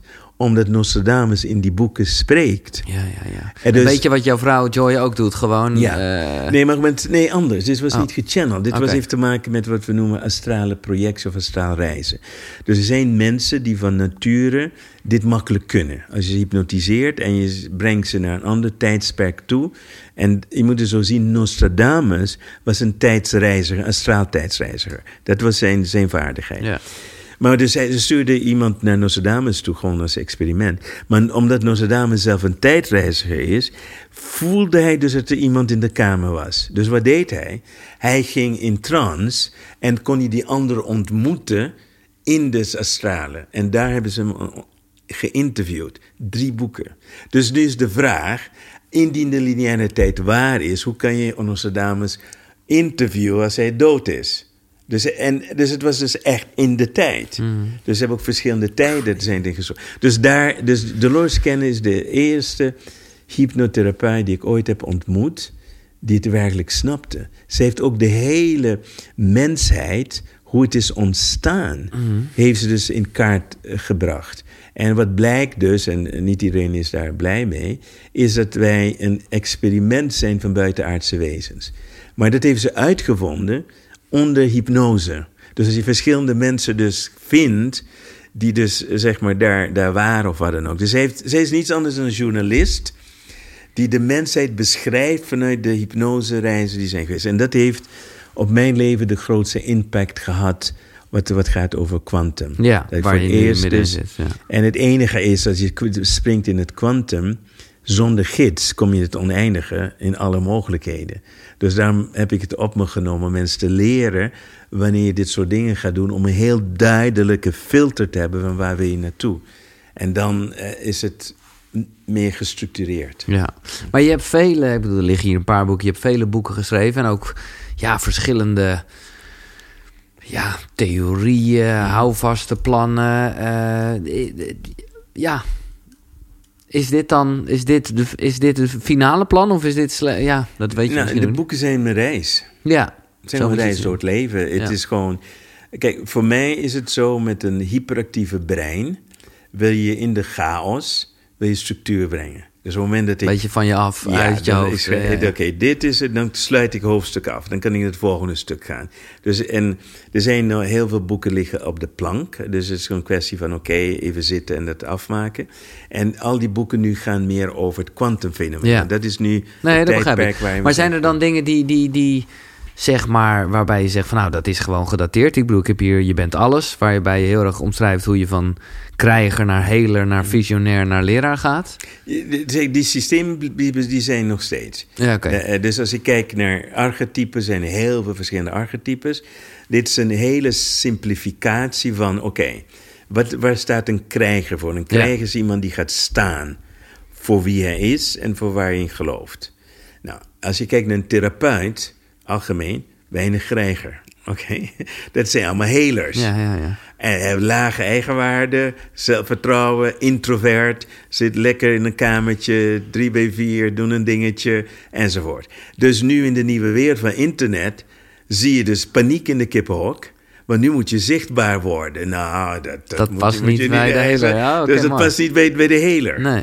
En dan heb je dus bijvoorbeeld, daarna krijg je bijvoorbeeld de visionair. Dus visionair, dus die, dat is eigenlijk het kwantumstuk. Ja. En dat je verbonden bent met het veld. En dan heb je een verhaal, die moet je gaan vertellen. Dan word je zeg maar leraar. En als je alle vier beheerst, ben je een, wat ik noem een inspirational leader. Dat is in feite een vraag. Maar dat is ook eh, echt ook nu letterlijk eh, waar jij dus eh, mee bezig bent. Absoluut, absoluut. Ja, dus dit is gewoon de basis van, zeg maar, hoe ik het leven zie. Dat iedereen die archetypes in zichzelf Ja. moet ontwaken. Ik wil er even één dingetje uithalen. Mhm. Eh, want dat is, is machtig mooi namelijk. Hoe jij, ik weet niet of je het nog eh, kan herinneren, want dit is een oud boek hoor. Mhm. Maar hoe je kan eh, ontdekken bij een ander als er sprake is van leug- leugens of stress. Mhm. En dat is echt, dan ga je helemaal omschrijven hoe je moet letten op de ogen, lichaamstaal, timing, expressie, het hoofd, de lichaamshouding, emoties, of iemand congruent blijft, wat voor een houding iemand heeft. ah, fenomenaal. ja, ik heb er echt veel van geleerd. Nee, het is niet dat ik, ik... Ik zou willen dat ik dit gewoon even kon downloaden... en dat ik echt in mijn hoofd kon zeggen. Want dan weet je gewoon als iemand zich verspreekt... of als, als iemand een beetje overcompenseert... of als iemand wijst... dan weet je, oké. Ja, en het mooie is van dat je het kan triggeren. Dus je kan mensen echt, op het moment dat je het merkt, Ja, dan kun je echt nog een keer dieper. En dan zie je dus onmiddellijk in het lichaam wat gebeurt. dus dan zie je die dingen Ja, gebeuren. men, eh, kijk, het lichaam liegt in principe niet. Tenzij je super getraind bent. Als jij Ja, ja, een, een, een, een CIA-agent bent, dan word je getraind in het liegen. Right? Dus dat is, dat, is, dat, is, dat is een manier om dat te kunnen. Maar er zijn weinig mensen die training hebben gehad. Ja. Dus je kan gewoon alles aan ze aflezen. Fantastisch. En, en dat is dus het mooiste. En je kan het gaan testen. Dat is altijd het, leukste altijd. Dat doe jij ook gewoon natuurlijk. Uiteraard. Ja. en Ja, dit is leuk. Ik onderbreek even het gesprek, maar eh, alle boeken die je net gehoord hebt, die zijn terug te vinden natuurlijk op de site koekeroe.nl slash boekenkast. Maar ik heb een extraatje, want daar vind je ook een link naar een aanbieding van Nextory, waarmee je alle boeken 50 dagen gratis kan lezen en luisteren. En dan hebben we het niet alleen over deze drie boeken, nee, er staan daar 300.000 luisterboeken en e-books. Dus ga naar koekeroe.nl slash boekenkast om 50 dagen lang gratis Nextory te gebruiken. Top toch? Thanks. Ehm, maar dat is gewoon een werkpunt bij mij. Hoe, hoe sta jij in boosheid? Want dat komt op een gegeven moment ook eh, naar voren. Dat is dan veel meer in het eh helingsgedeelte. Mm. Ehm, en dat is inderdaad waar. Kijk, boosheid is... Tenminste, zo ben ik ook wel een beetje opgegroeid. Of dat heb ik in ieder geval zelf eh, wel een beetje zo ervaren. Dat dat een zonde is. Iets, eh, ja, iets dat je zou moeten onderdrukken. Terwijl je eigenlijk zegt van... nee, het is gewoon een soort duidelijkheid. Mhm. Ja, hoe kan ik boosheid in mezelf trainen? Nou, dus in, in, in feite is het allereerste wat je wilt afleren... is dat boosheid niet goed of slecht is. Ja. Het is, is gewoon energie. En dan is de volgende vraag: wat, waardoor word je daarin getriggerd? Dus je wordt getriggerd in een stukje eh, of machteloosheid of onrechtvaardigheid.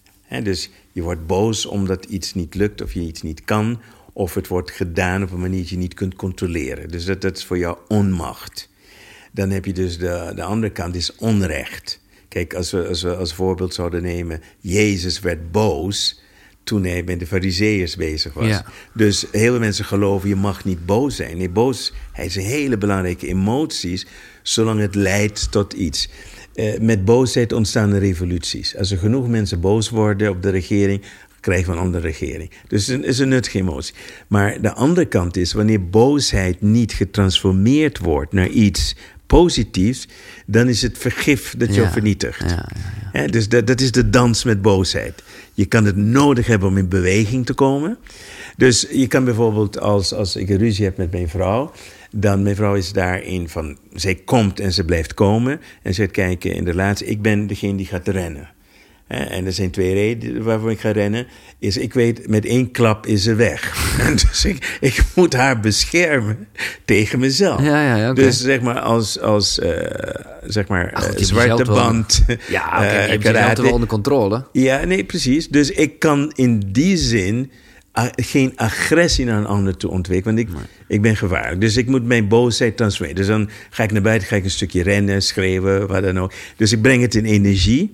Dan mediteer ik, want die energie is dan eh, gezakt. En dan kan ik opnieuw neutraal kijken naar wat er dus gebeurt. En dus ik ga dan vanuit van, ik kan alleen maar boos worden als er iets in mij is dat niet van mij is. En dan ga ik kijken, en mijn vrouw is een meester om die plek al mij te vinden. En dus daarvoor ben ik ook met haar getrouwd. Ja. Want zij maakt mij nog sterker en beter dan ik ben. Right? Dus die boosheid moet continu getransformeerd worden naar heling. Hè? Dus op het moment dat we dat niet doen, dan keert het terug tegen ons. Dan wordt een auto-agressie. En als we kijken naar een ziekte zoals kanker, dan kan ik je zeggen dat heel veel mensen met kanker, het grootste deel, hebben onverwerkte verboosheid. Dat slaat op het immuunsysteem en daardoor functioneert het immuunsysteem niet goed op een bepaalde plek. En, en daardoor kan er, er kunnen dus ziekten ontstaan. Dus boosheid is niet iets dat je wilt dragen in jou. Het heeft, het heeft verder geen nut dan het bewust worden van iets dat, jij anders wilt. En wat je anders wilt, kan buiten jou zijn. Ja. Dus als je het kan veranderen, oké. of binnen in jou. Maar hoe kan je jezelf trainen om het meer toe te laten in plaats van weg te stoppen? Want eigenlijk zeg jij, als je het wegstopt, dan wordt het vergif en dan kunnen er allemaal vreselijke dingen gebeuren. Nou, dus in, in, in feite vier je boosheid. Ja. Vier boosheid. En er zijn verschillende manieren waar, hoe je dat kan vieren. Nummer één is gewoon, eh, dus een van mijn eh, dingen. Ik begin altijd met, en vergeef me niet dat het een beetje outdated is. Ik hou van mezelf en accepteer mezelf, ook als ik boos ben. En dus dan praat ik tegen mijn menselijke gedeelte, niet tegen mijn spirituele Nee, gedeelte. Dus ik zeg eigenlijk tegen mijn deel dat mens is: jij bent oké. Je bent oké ook als je boos bent. Dus ik moet eerst gaan naar, naar die, die neutrale plek waar ik mezelf niet meer afwijs. Door onze opvoeding hebben we aan bepaalde emoties, met name met boosheid, hebben we gekoppeld: ik mag niet boos zijn. Hè, bijvoorbeeld, ik mag niet boos zijn naar mijn ouder. Of weet je, stop er nu mee. Dus worden in onze emotionele groei worden we gestopt in bepaalde emoties te ervaren. Eh, jongens gaan huilen niet. Dat soort onzin dat horen we allemaal. Dus wat wij moeten leren, dat alle emoties zijn goed. ja. Zijn Omarm gewoon- die emoties. Ja. En ga dan praten. eh, En, en in jouw geest kan je alles doen. Je kan gewoon gaan praten met het deel van jou dat boos is. En dat zie- kun je zien bijvoorbeeld, zo heel veel mensen doen dat, als een innerlijk kind of een ander deel van je. Maakt niet uit. Mhm. Ga zitten met jouw boos kind of wat dan ook. En ga er gewoon voor praten. En praten lost al heel veel dingen op. Dan verdampt het al. Dat- dat- dat eh, is zo. Eh, we gaan eh, straks naar de vragen. Maar eerst, dat heeft ook wel te maken, denk ik, met een emotie of niet. Het is een beetje een random vraag, maar ik wil hem zo open mogelijk stellen. Omdat ik gewoon heel benieuwd ben. Hoe kijk je aan tegen seks? Oei, oei, oei, oei, oei, oei. Oké, seks en relatie of alleen seks? Oké, goed. Laten we zo zeggen dat als we kijken naar seks, kunnen we kijken naar verschillende manieren van seks. Dat bedoel ik niet het Alle fysieke. standjes? Nee, nee, nee. Nee, het praat dus uit van welke chakra-niveau ervaar je dat. Hè? Dus als we gaan kijken naar, vooral als we jong zijn, hebben we nog wat ik noem het dierlijke instinct in ons. Dat betekent namelijk dat chakra 1 en chakra 2. En eh, we moeten zo zeggen dat elke chakra is gekoppeld aan hormonen. Oké? Dus bij, bij de man natuurlijk is het zo, de, de, het seksuele chakra heeft te maken met de seksuele hormonen. Dus we gaan door een periode heen waarbij die tweede chakra enorm actief is. En dan afhankelijk van welke cultuur je zit, welke religie je zit, wordt het al of niet onderdrukt. Dus we gaan kijken naar eh Rooms-Katholieke Kerk. Dan worden de jonge jongens worden genomen en die wordt verteld, je moet je schamen voor dit en voor dat. Dat is de reden waarom er zoveel problemen zijn van pedofilie binnen. Ja, ja, ja. Ga je naar bijvoorbeeld boeddhistische monniken toe, waarbij ze leren energie te transformeren, zie je dat probleem dus niet. Dus het heeft te maken met een onderdrukking van dat. Dus eh, we hebben de seks vanuit dat niveau. Ja. Het is puur lekker, dierlijk, genieten, done. En daarna, toededoe, see you next time. Right? Dat is dus één Puur de niveau. handeling. Dan heb je uiteinde, dan ga je naar de volgende chakra. En dat chakra is chakra 3, zonnevlecht, de chakra van controle. Dus nu krijg je een ander soort van seks. Wie controleert wie? En dan krijg je dominatrix en weet ik wie allemaal, zweepjes erbij, bla bla bla. Dan zie je dus, daar zit dan een blokkade. Niks mis mee, maar dan ben je daar. En dan kom je uiteindelijk in chakra 4. En chakra 4 is waar je de seks ervaart.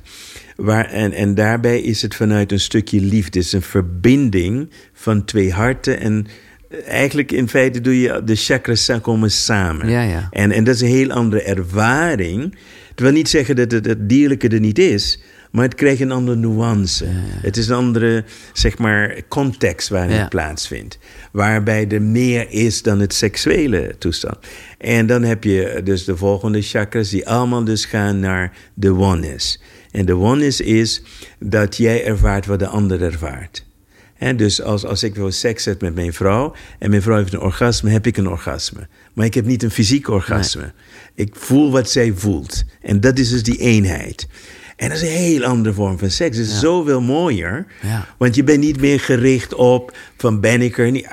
Ik heb, eh, mijn vrouw dus aan noemen multiple orgasme. ja. Ik heb een multiple orgasme, maar niet zeg Nee, maar niet met ejaculatie Met of wat- ejaculatie. nee, nee, het is gewoon, het is zoveel malen mooier om dat te ervaren. En, en, en soms... En heb je, is dat gewoon gebeurd? Of bedoel, hoe, hoe ga je die ladder op? Is dat gewoon leeftijd of is dat ook ervaring? Of want er zijn er ook wel mensen die blijven... Veel te jong om over leeftijd te praten. Dus Nee, oké. daar gaan we niet over hebben. Ik ben nog niet eens op de helft. Nee, oké, Dus- lekker. Nee, dus waar waar het om gaat was, was een, een bewuste keuze. Als, als, als ik vroeger, voordat ik zei Joy, eh, Joy had ontmoet, was mijn standaard dinges, zeg ik tegen in mijn workshops, ik zeg heel veel dingen ben ik een meester, maar een relatie, dat is mijn grootste mislukking ooit. En het is niet ten gevolge van een gebrek aan proberen. Echt geprobeerd. Ja. Dus daar ligt het niet aan. Dus iets wezenlijk niet begrepen. Dus dan ontmoet ik Joy. En dat is niet de normale verliefdheidsgeweten. Het was een weten. Je ontmoet twee zielen, ontmoet elkaar. Zij stond op in een workshop. Vijf, zeshonderd mensen zaal. Ik, ik heb haar niet eens gezien, want ik ben kippig. Ik kan jou goed zien, maar 50 meter verder niet, niet interessant. Dus ik weet niet eens wie het is, maar op dat moment stond de tijd stil. En, en dus ging het contract dus in. En de afspraak was van ons beiden. We gaan hier aan beginnen onder één voorwaarde. Dat is het contract. Het contract is, als er een conflict is, dan gaan we dat oplossen. Zij was toen een leerling, zij leerde Omega Healing. Dus wij zeggen, alle tools die wij gebruiken, gaan we dus gebruiken. Dus we hebben een contract met elkaar getekend. En niet van, we blijven bij elkaar. Nou, dat is lijden. Ja, heel lang lijden. Het contract is als een conflict is. Ah, we gaan niet naar bed voor het conflict is opgelost. En we gaan niet eh, verder voordat we de diepte van het conflict hebben ervaren. Nou, wat er gebeurt is iets dat ik nooit in mijn leven eerder heb gekend. Is namelijk dat de, de liefde oneindig wordt. Elk conflict dat we oplossen, komt er meer liefde vrij. En dat is dus een heel andere vorm van relatie. Dat je bijna zou zeggen, ik ben blij als een conflict is. Ja, want dat geeft weer maar nu verdieping. kunnen we weer een stukje verder. Ja, ja, ja. En over de tijd worden ze wel veel minder, maar ze worden niet minder heftig. Nee. Ze worden alleen sneller opgelost. Dus in die conflicten hebben we allebei het recht om te zeggen wat we, wat we willen. En er is nooit twijfel over de liefde. Er is nooit twijfel met elkaar. Dus er staat niemand met de koffer klaar om te vertrekken. nee, dat, Want eh, wij weten, dit is onze weg en we weten we doorheen moeten gaan. En daardoor ga je steeds meer dingen herkennen. Dus bijvoorbeeld jaloezie en dat soort dingen. Ken ik niet Nee, meer. het is niet... Laten we, laten we zeggen, je hebt ook bijvoorbeeld andere vormen van seks. Als je kan kijken naar vrije seks, of Ja. eh, bijvoorbeeld zoals in communities worden Ja. gepleegd, waarbij de nadruk ligt op het onthechten van het bezitten van iemand. Ja. Ja, dus dat is een heel andere procedure. Dus wij hebben ons eerst onthecht van het geluk dat ligt aan de ander. Dus eh, Ja, ja, Joy moet haar eigen geluk vinden. Ik moet mijn eigen geluk Echt vinden. twee eigen, En, en dat betekent ook, zou het voorkomen, dat zij ooit tegen mij zou zeggen: Ik wil het met iemand anders ervaren. Is het bespreekbaar? Het is niet überhaupt van nee, dit kan niet, zus en zo niet. Het gaat er meer om, voelen beide partijen zich veilig of niet. Het is gelukkig niet de case, maar het mag er zijn. kunnen, We hebben erover gesproken. En dat wil zeggen, als dat ooit zou gebeuren, Dan wil ik mij veilig voelen, jij wil je veilig voelen en andersom ook. En het belangrijkste voor ons is dat wij niets verbergen voor elkaar. Nee. Op het moment je verbergt iets voor elkaar, dan kan dat nooit een goede basis Maar jullie zijn zijn. daar samen naartoe gegroeid zonder welke tantra-cursus dan ook? Nee, nee, we moeten die tandencursus nog doen. dat heb Oké. ik nou ja, ik weet niet of je het nodig hebt, maar... eh, nee, nee, maar goed, ik, er er is nog een conflict. Zij wilde het doen. Ik zei, Ah, oké. We hebben het nog niet gedaan. Ik zei, we hebben het niet nodig. We gaan naar de vragen en daar komt een leuke... de- Gelijk de eerste vraag die hier bovenop staat is van Lisette Maaskant. En die heeft de vraag... Hoe tackle ik mijn ego met liefde? Mm. Nou goed, de, in de eerste plaats is dus de ego de plek waar je moet, eh, het onderscheid moet maken tussen wie jij echt bent en wie jij niet bent. Ja. Dus liefde is wie jij bent. Dus het ego ga je behandelen vanuit de liefde. Dus een van de beste manieren die ik heb gevonden precies ook. is dat je het ego ziet als een klein kind dat graag zijn weg wil hebben. Nu, heel veel mensen denken je moet het ego overwinnen of wat dan ook. Nee, geef het ego wat het wil. Wil mijn ego een mooie auto? Zeg, oké, hier heb je een mooie auto. Niks mis mee. Dan, eh, mijn ego is heel blij in die mooie auto. Snap je? Dus heel veel mensen denken je moet het ego iets ontnemen. Als je een kind iets ontneemt, gaat het mokken, het gaat zeuren, het gaat doen. It's never going to be happy. Dus als jouw ego happy is met iets. Ja. Kijk, ik ben een luxe beest. Je kan, je kan me niet blij maken met door de Sahara trekken in een tent. Dat, ik word niet echt blij van, oké? Maar je kan me wel blij maken, reis om de wereld in eerste klas in de mooiste plekken. Dus mijn ego, die vindt dat prettiger. Die tenttijd heb ik gehad. Dus het gaat om, als je het ego ziet als een kind... en je in gesprek gaat met je ego, van wat heb jij nodig? Want het ego, en dat is die vraag die, die zij Ja. dus zegt... wil zich geliefd en veilig voelen. Dat is alles wat het wil. Ja. En dat wil niet zeggen dat het alles krijgt. Want niet alles is nog mogelijk. Nee. Begrijp je? Maar je kan wel zeggen, de dag dat het mogelijk is... Kijk, ik wil graag een privéjet. Mijn ego vindt dat fantastisch. Dat is een droom. Voor mijn ego is, als je een privéjet hebt, dan heb je het gemaakt. Nou, ik zeg tegen mijn ego, rustig, rustig. Komt eraan, staat op de vision board. Dus mijn ego is, is helemaal oké. Ja, ja, want we leven daarna. Snap je? En Ja, een ander zou zeggen, ja, waar heb je dat voor nodig? Natuurlijk heb je een carbon footprint, maar dat lossen we allemaal Nee, op. Dus dat is een ander verhaal. Maar ik vind het wel mooi dat jij er ook zo naar kijkt. Omdat ik had bij de boeken eigenlijk ook wel cursus in wonderen verwacht. Omdat dat eh, af en toe wel terugkomt in eh, jouw eerdere boeken. En ja, daar die... En uiteindelijk denk ik dat de neuzen dezelfde kant op staan hoor. Maar daar voelt het ook een beetje geforceerd als dat ego is kwaad en mag er niet Ja, zijn. gelukkig En- heb ik het boek nooit gelezen. Je hebt het nooit gelezen? Nee, nee, Oh, maar je refereert er wel aan in boeken. Ja, ja, nou, ik heb er heel veel over gehoord. Oh, oké. Nee, oké, duidelijk. maar om een van de reden... Het ego wil het niet, hè? Nee, nee. Oké, eh, Petra Hekman. Waarom is het niet verstandig ons eh, in te enten? Ja, Waarom het niet... Kijk, op zich moet je twee dingen onderscheiden met inenten. De intentie van het inenten is dus in feite dat wij immuun worden tegen iets. ja. Daar is niks mis Dat mee. is, eh, het principe is zo. Maar de aanname is dat de meeste mensen niet immuun zijn tegen de virus. En dat is een valse aanname. Hmm. En dus op wetenschappelijke gronden is het dus niet zo dat, dat de vaccinatie de oplossing is. Dat is één. Het tweede is dat dit nog een experiment is. We weten nog niet alle ins en outs. Als je kijkt dus naar Amerika, zie je dat bijna de helft van de health professionals nee zeggen tegen de vaccinatie. 40% van de militairen zeggen nee tegen de vaccinatie. En de enige reden is, het is een experiment. Ja. We hebben nog niet voldoende informatie om een keuze te maken puur op wat het beste is voor ons. En mijn zorg is dat wanneer we beginnen met genetische manipulatie, dat is een heel gevaarlijk Zo zie je terrein. het, ja. Dat is dus het allerbelangrijkste. Een vrij random vraag van Stefan. Eh, Stefan T. ook. Hoe zie je de toekomst van de tandarts? Nou, het gaat op zich al, al de goede kant op in de zin dus dat tandartsen al veel minder kwik gebruiken. En want Ja. kwik is de meest, eh, een van de meest gevaarlijke metalen. Eh, ja. En, en dat soort dingen. En, maar ze, hebben, ze snappen het nog niet. We hebben wel biologische tandartsen. Eh, dus bijvoorbeeld wanneer iemand een wortelkanaalbehandeling doet... dan krijgen we een irritatiepunt in het gebit. En het gebit, elke kies of tand is ver- verbonden met een meridiaan. Dus we kunnen de meridiaan beïnvloeden vanuit de mond.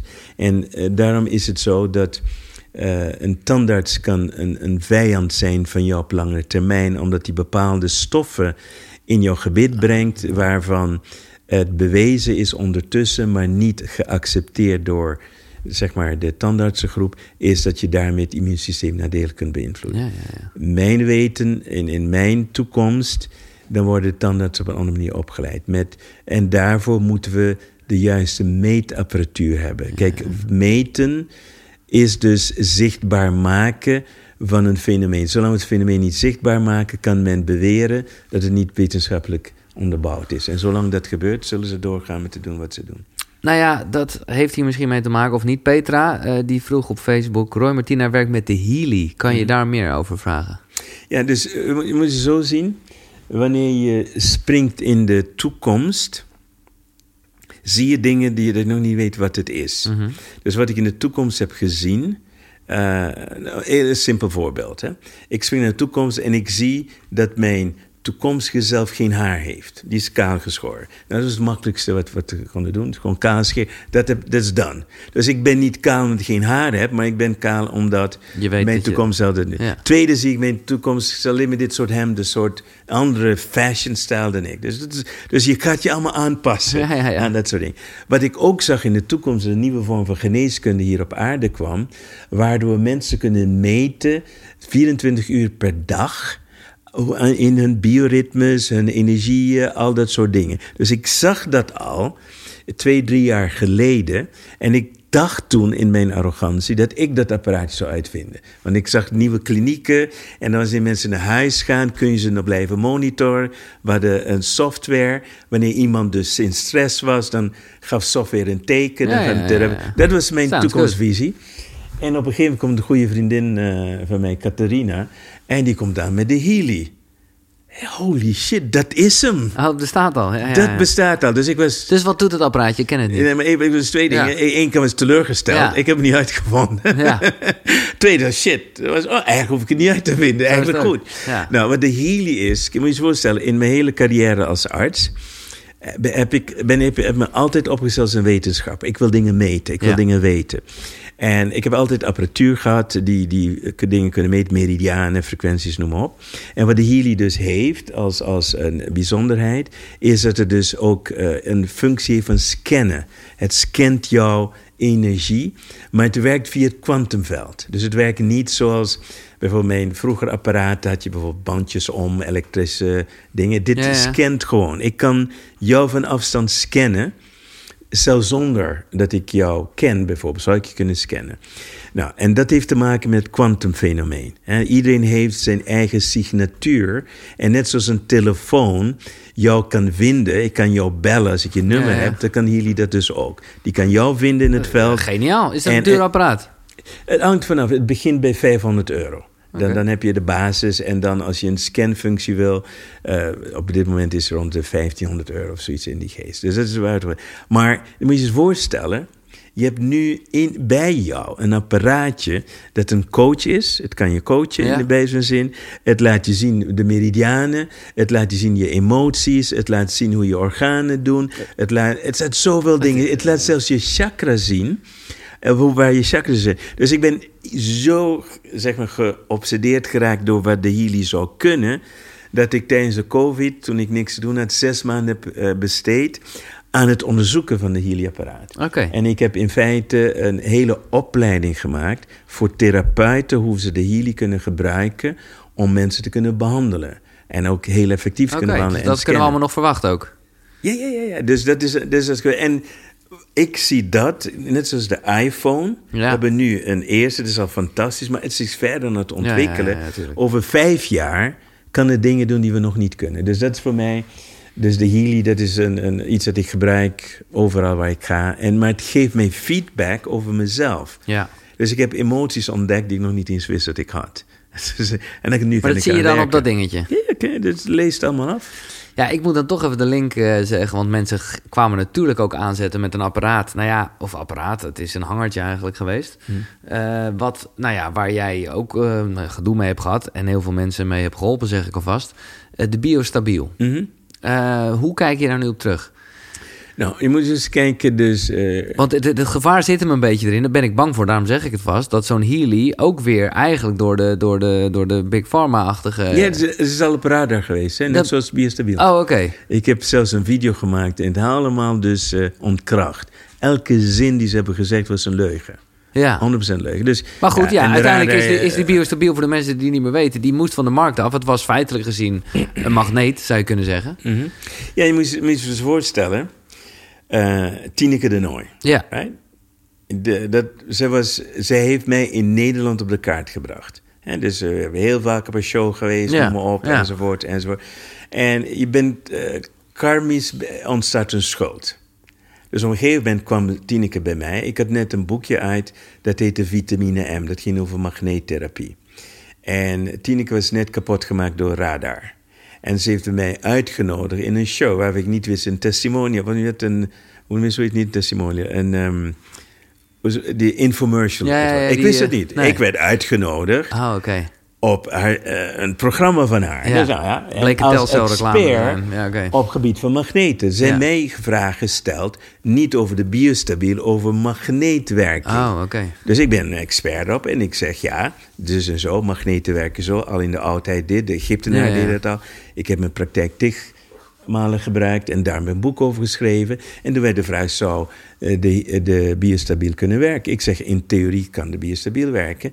En zeker omdat het op de thymus zit. Want de thymus is het belangrijkste, zeg maar, clear voor het immuunsysteem. Want daar maak je namelijk de T-cellen, de, de killercellen. En dat is onder heel belangrijk voor virus en kanker. Dus ik heb nergens, ik had de biostabiel nooit gezien, nooit gebruikt. Het ging over magneten. Is het mogelijk? Nou, schijnbaar in Nederland 99% van de bevolking... die heeft de link gelegd biostabiel. Roy zegt biostabiel is goed, enzovoort. En dan krijg je dus, omdat de radar in feite alleen maar de waarheid spreekt... en alles wat de radar zegt is waar... al die schapen, die hebben die link gezegd, gelet van... ja, dus Roy is nu een oplichter, want hij staat achter biostabiel. Maar jij verdiende daar niet eens geld aan? Dat is het ergste. Ik heb niet eens een biostabiel gehad. Oké. Niet eens dat, maar oké, ik was... Maar nu, weer, nu, nu zou hetzelfde kunnen gebeuren met die Healy. Jij bent er, hebt daar niks mee te maken. Nee, maar de Healy heb ik onderzocht. Ik praat nu vanuit een expertstatus Ja, oké, dat is wel vanuit de anders, ja, Healy. ja, ja. En ik kan iedereen, breng ze aan tafel, die sukkelprofessoren... die, die ze in de radar hebben gedaan, die maak ik een stuk. Die praten over wetenschap die zij niet eens kennen. Kun je je voorstellen, die sukkels op een televisieprogramma... gaan zeggen, we kunnen de quantum sensor niet vinden... We- weet je hoe een quantum sensor eruit ziet? Ja. Dat weten ze dus niet. Maar als je zegt sukkels, dan heb je er toch wel een oordeel over, vind ik. Nee, het is een vaststelling. ik heb geen emotie bij. Nou, Nee, absoluut niet. ik vind, je ging toch rechtop zitten, Roy. En gelijk heb je. Je, je strijdt voor nee, wat, wat de wereld luister, als iemand een sukkel is, is iemand een sukkel. Daar doe ik toch niks aan? Oké. Nee, kijk, op, kijk, hier moet je eens goed luisteren. Ja. Als een wetenschapper, Ja. een professor, uitspraken doet over iets waar hij geen begrip van heeft, niks van weet, Nee. en doet alsof hij er iets van af weet, is hij of een oplichter of een sukkel. Dus ik geef hem de benefit of the doubt. Even voor de helderheid. Als hij in gesprek met mij zou zijn, dan zou ik hem laten zien dat het een sukkel is. Dan zeg oké, hier zijn de feiten. Ik ben uitgedaagd door de zuivelindustrie, door de, de tandartsen. Ik kom met wetenschappelijke feiten. Zij komen met emoties en theorieën. En dat is het probleem. Dat betekent niet omdat je een professor bent in dit of dat, dat jij uitspraken kunt doen over, Over iets waar. niet je dat- nee, dan eh, ben ik er klaar mee. Dus in mijn gevoel is het sukkelig gedrag. Ik kan nog steeds van je houden trouwens. ik hou van sukkels, Ja. maar daar gaat het dus niet om. Nee.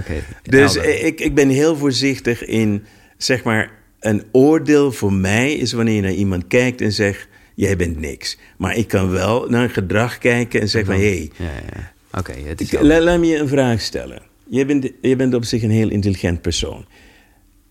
Doe je wel eens domme dingen? Absoluut. Ben je dan dom? Nee, dat is het. Snap je het verschil? Ja, ja. Dus maar als je iemand die dom is en Ja. die doet een keer iets slim, het is Ja. nog steeds niet slim. Nee. Dus dan kan ik zeggen, ja, je bent dom. Kan je zeggen, ja, dat is een oordeel. Nee, je bent dom. Nee, precies. Stop ermee, Helder, helder, helder. Oké. Eh, nou, dit hebben we al een beetje gehandeld. Hoe was het vast een paar jaar terug, waarin er niks out of dronk? Dat eh, hebben we wel besproken. Ja, dit is een wat algemene vraag. We hebben het hier vaak over gehad. eh, maar ik, vind, ik ga toch de vraag stellen. Hoe je zelf contact kunt maken met het kwantumveld. Dat wil Mink Martine weten. Oké, nou op de eerste plaats is iedereen is verbonden met het kwantumveld. Ja. Dat is één. Het Dat enige is- is, is geen keuze. waar is onze focus? Als ons focus is op de externe wereld, eh, dan eh, zijn we in wat we noemen in de hersenstaat geloven dat dit het enige is dat er bestaat. Dus om contact te maken met het kwantumveld moet je beginnen met te weten wat is jouw intentie met het contact dat je wil maken. Zonder intentie Mhm. kan van alles gebeuren. Ja, ja, ja, oké. Dus allereerst wees, wat wil je? Wat is jouw intentie? Op het moment dat jij je intentie hebt, dan zeg je: Oké, ik wil nu ervaren dat wat in de toekomst leeft, alsof in het nu gebeurt. Dat is de voorbereiding voor de methodiek die ik in de wereld breng. En dan ga je in de, zeg maar, noem het in de stilte, in de ontspanning en dat soort dingen. En dat doe je net zo lang. En wat je dus moet weten is dat het kwantumveld altijd tot je spreekt. Het is niet alleen het moment dat jij denkt dat jij het wil. Je kan het niet Het afdwingen. is een non-stop lijn. Dus het, eh, je het stelt je voor open en dan komt het allerbelangrijkste, is dat je moet gaan opletten. Want quantum, zeg maar, het universum spreekt niet in de taal die jij denkt of jij er wilt. komen aanwijzingen. Het komt van alles en nog wat. Je loopt ergens, je hoort de muziek. Ja, ja, ja. En dat herinnert je aan iets. En, weet je wel? alles. Of een, een, een, een haas rent voor jouw auto. En dan denk je, wat, waar, waar ren ik nu van weg? Ja. Dus de kwantum is continu met jou aan het spelen. Maar de vraag is, begrijp je die taal of niet? En dus voor heel veel mensen heel veel tekens gaan verloren. Andere mensen weer afspraak. Die zeggen, als ik 444 zie, dan, dan pas Ja, ga ik opletten. Snap je? Maar dus, eh, dat is dus het verhaal. Dus 11, 11, het ja. is een continue dynamiek van leren om die communicatie steeds beter te begrijpen. En dan word je geleid op het pad waar jij naartoe wil gaan. En, en dat is de intentie die je hebt gezet. Oké, meer eh, komt hierover, want dit is, dit is eh, waar eh, Roy driftig mee bezig is. Helene's Droomwereld. gelooft hij in het 2044-boek? Ik zou niet weten wat het is. Oké, top. ik ook niet. Tenminste, ik, misschien is het wel het boek van Robert Bridgman, dat we, maar dat is... de- Oh, dat boek. Denk ik. Ik weet niet of het van 2044 Robert is. eh, die heeft me gevraagd daar een, iets zo over te Ja, heb ik, ook, heb ik ook gedaan, ja. Ja, ja, ja, ja, ja, ja. Ja. ja, Oké, als het dat boek maar het was is... fictie, toch? Ja, als het dat boek is. is eh, je moet dus zo zien dat fictie en realiteit zijn niet altijd van elkaar te onderscheiden. En want wie weet heeft het niet uit het kwantumveld gehaald. Nee, ja. Maar is het onze tijdlijn of is het niet onze tijdlijn? Dat is een heel ander verhaal. Precies. Dus het zou kunnen, het is een van de afslagen. maar ja, het ja, zou ja. kunnen, maar we weten het niet tot het gebeurt. Martine, wat zijn in zijn ogen de beste anti-age supplementen voor de vrouw? Dus de vraag is daarvoor, is het een supplement? Dat is de vraag. Dus als jij mij zou vragen, van wat is de beste anti-aging? Dan kan je antwoord geven. Als je praat over supplementen, dan eh, moet je kijken wat willen we met anti-aging. Dus het kan zijn een cosmetisch effect of willen we langer leven. Ja, Kijk, je hebt longevity en je hebt ik wil er goed uitzien. En je hebt natuurlijk combinatie, ik wil er leuk uitzien op mijn 130ste. Oké, allemaal prima. dat zijn andere dingen die je aan Ja. het doen bent. Als je puur het fysiek en fysiologische ziet, is het dus, komt er op één ding neer. Is dus dat jij eh, sowieso met antioxidanten bezig moet zijn. Maar er zit een heel groot probleem dat de meeste mensen dus niet weten. Is met name, dat heeft te maken met de mate van insulineresistentie die je hebt. Je kan slikken wat je wil.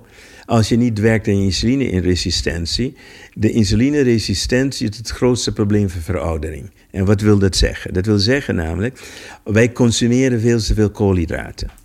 En die worden afgebroken tot suiker. En suiker is een prikkelend mechanisme wanneer het niet naar de cellen toe gaat.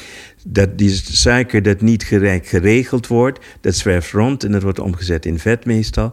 Maar dat prikkelt wel de bloedvaten. En wanneer de bloedvaten eh, prikkelt, krijg je dus het bloedwater. Daardoor krijg je verkalking.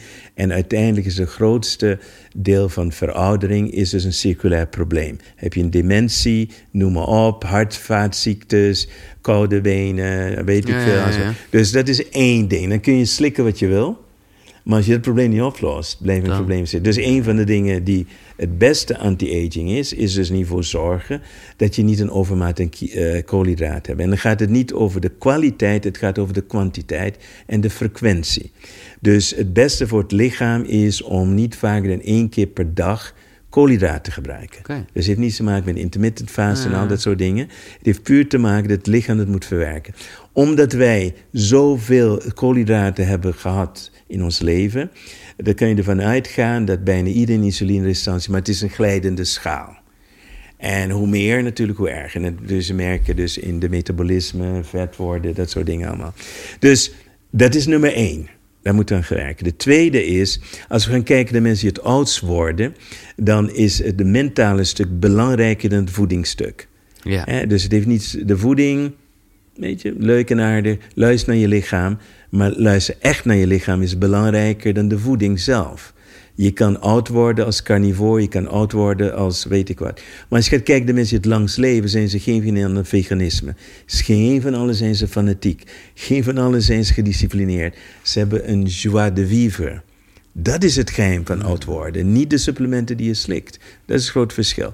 En het last but not least, ik zou veel meer tijd stoppen in visualiseren van hoe je oud wil worden, dan slikken we supplementen om oud te worden tegen te gaan. Omdat jouw mentale kracht vele malen groter is. Moet je je voorstellen, als ik kan leven van het licht, geen supplementen Ja, nodig heb, ja. ik kan het met mijn mind of wat je dat wil. Ja. Wat zou jij kunnen als jij energie gaat besteden aan dat stuk van je leven? Vandaar dat ik ook zei, voor je gaat slapen, ga eerst aan de lange termijn. Dat is mijn supplement. Ja. Nou ja, dat is gelijk antwoord op de vraag. Wim die vraagt zich af, hoe blijf je zo vitaal... en wat kunnen we doen om dat zo eh, lang mogelijk te blijven? Nou, Veel lachen. veel lachen, ja precies. en eh, Nathalie die wil weten wanneer komt het boek over het eh, leven van Prana uit? Dat is een beetje wat je net zegt, hè? De, Ja. de- komt daar een boek over? Er is er al een boek over. Oh, oké. Alleen, ik heb nog niet officieel op de markt gezet... om de simpele reden dat ik nog, zeg maar... Bij het boek hoort een, een cursus. Want na het boek, als je dat zou willen... Ja, En dat is het gevaar van het boek. Ja, ja, daar, dat daar, is- daar stel ik een stappenplan in voor, maar je hebt ook een stukje begeleiding in daarin.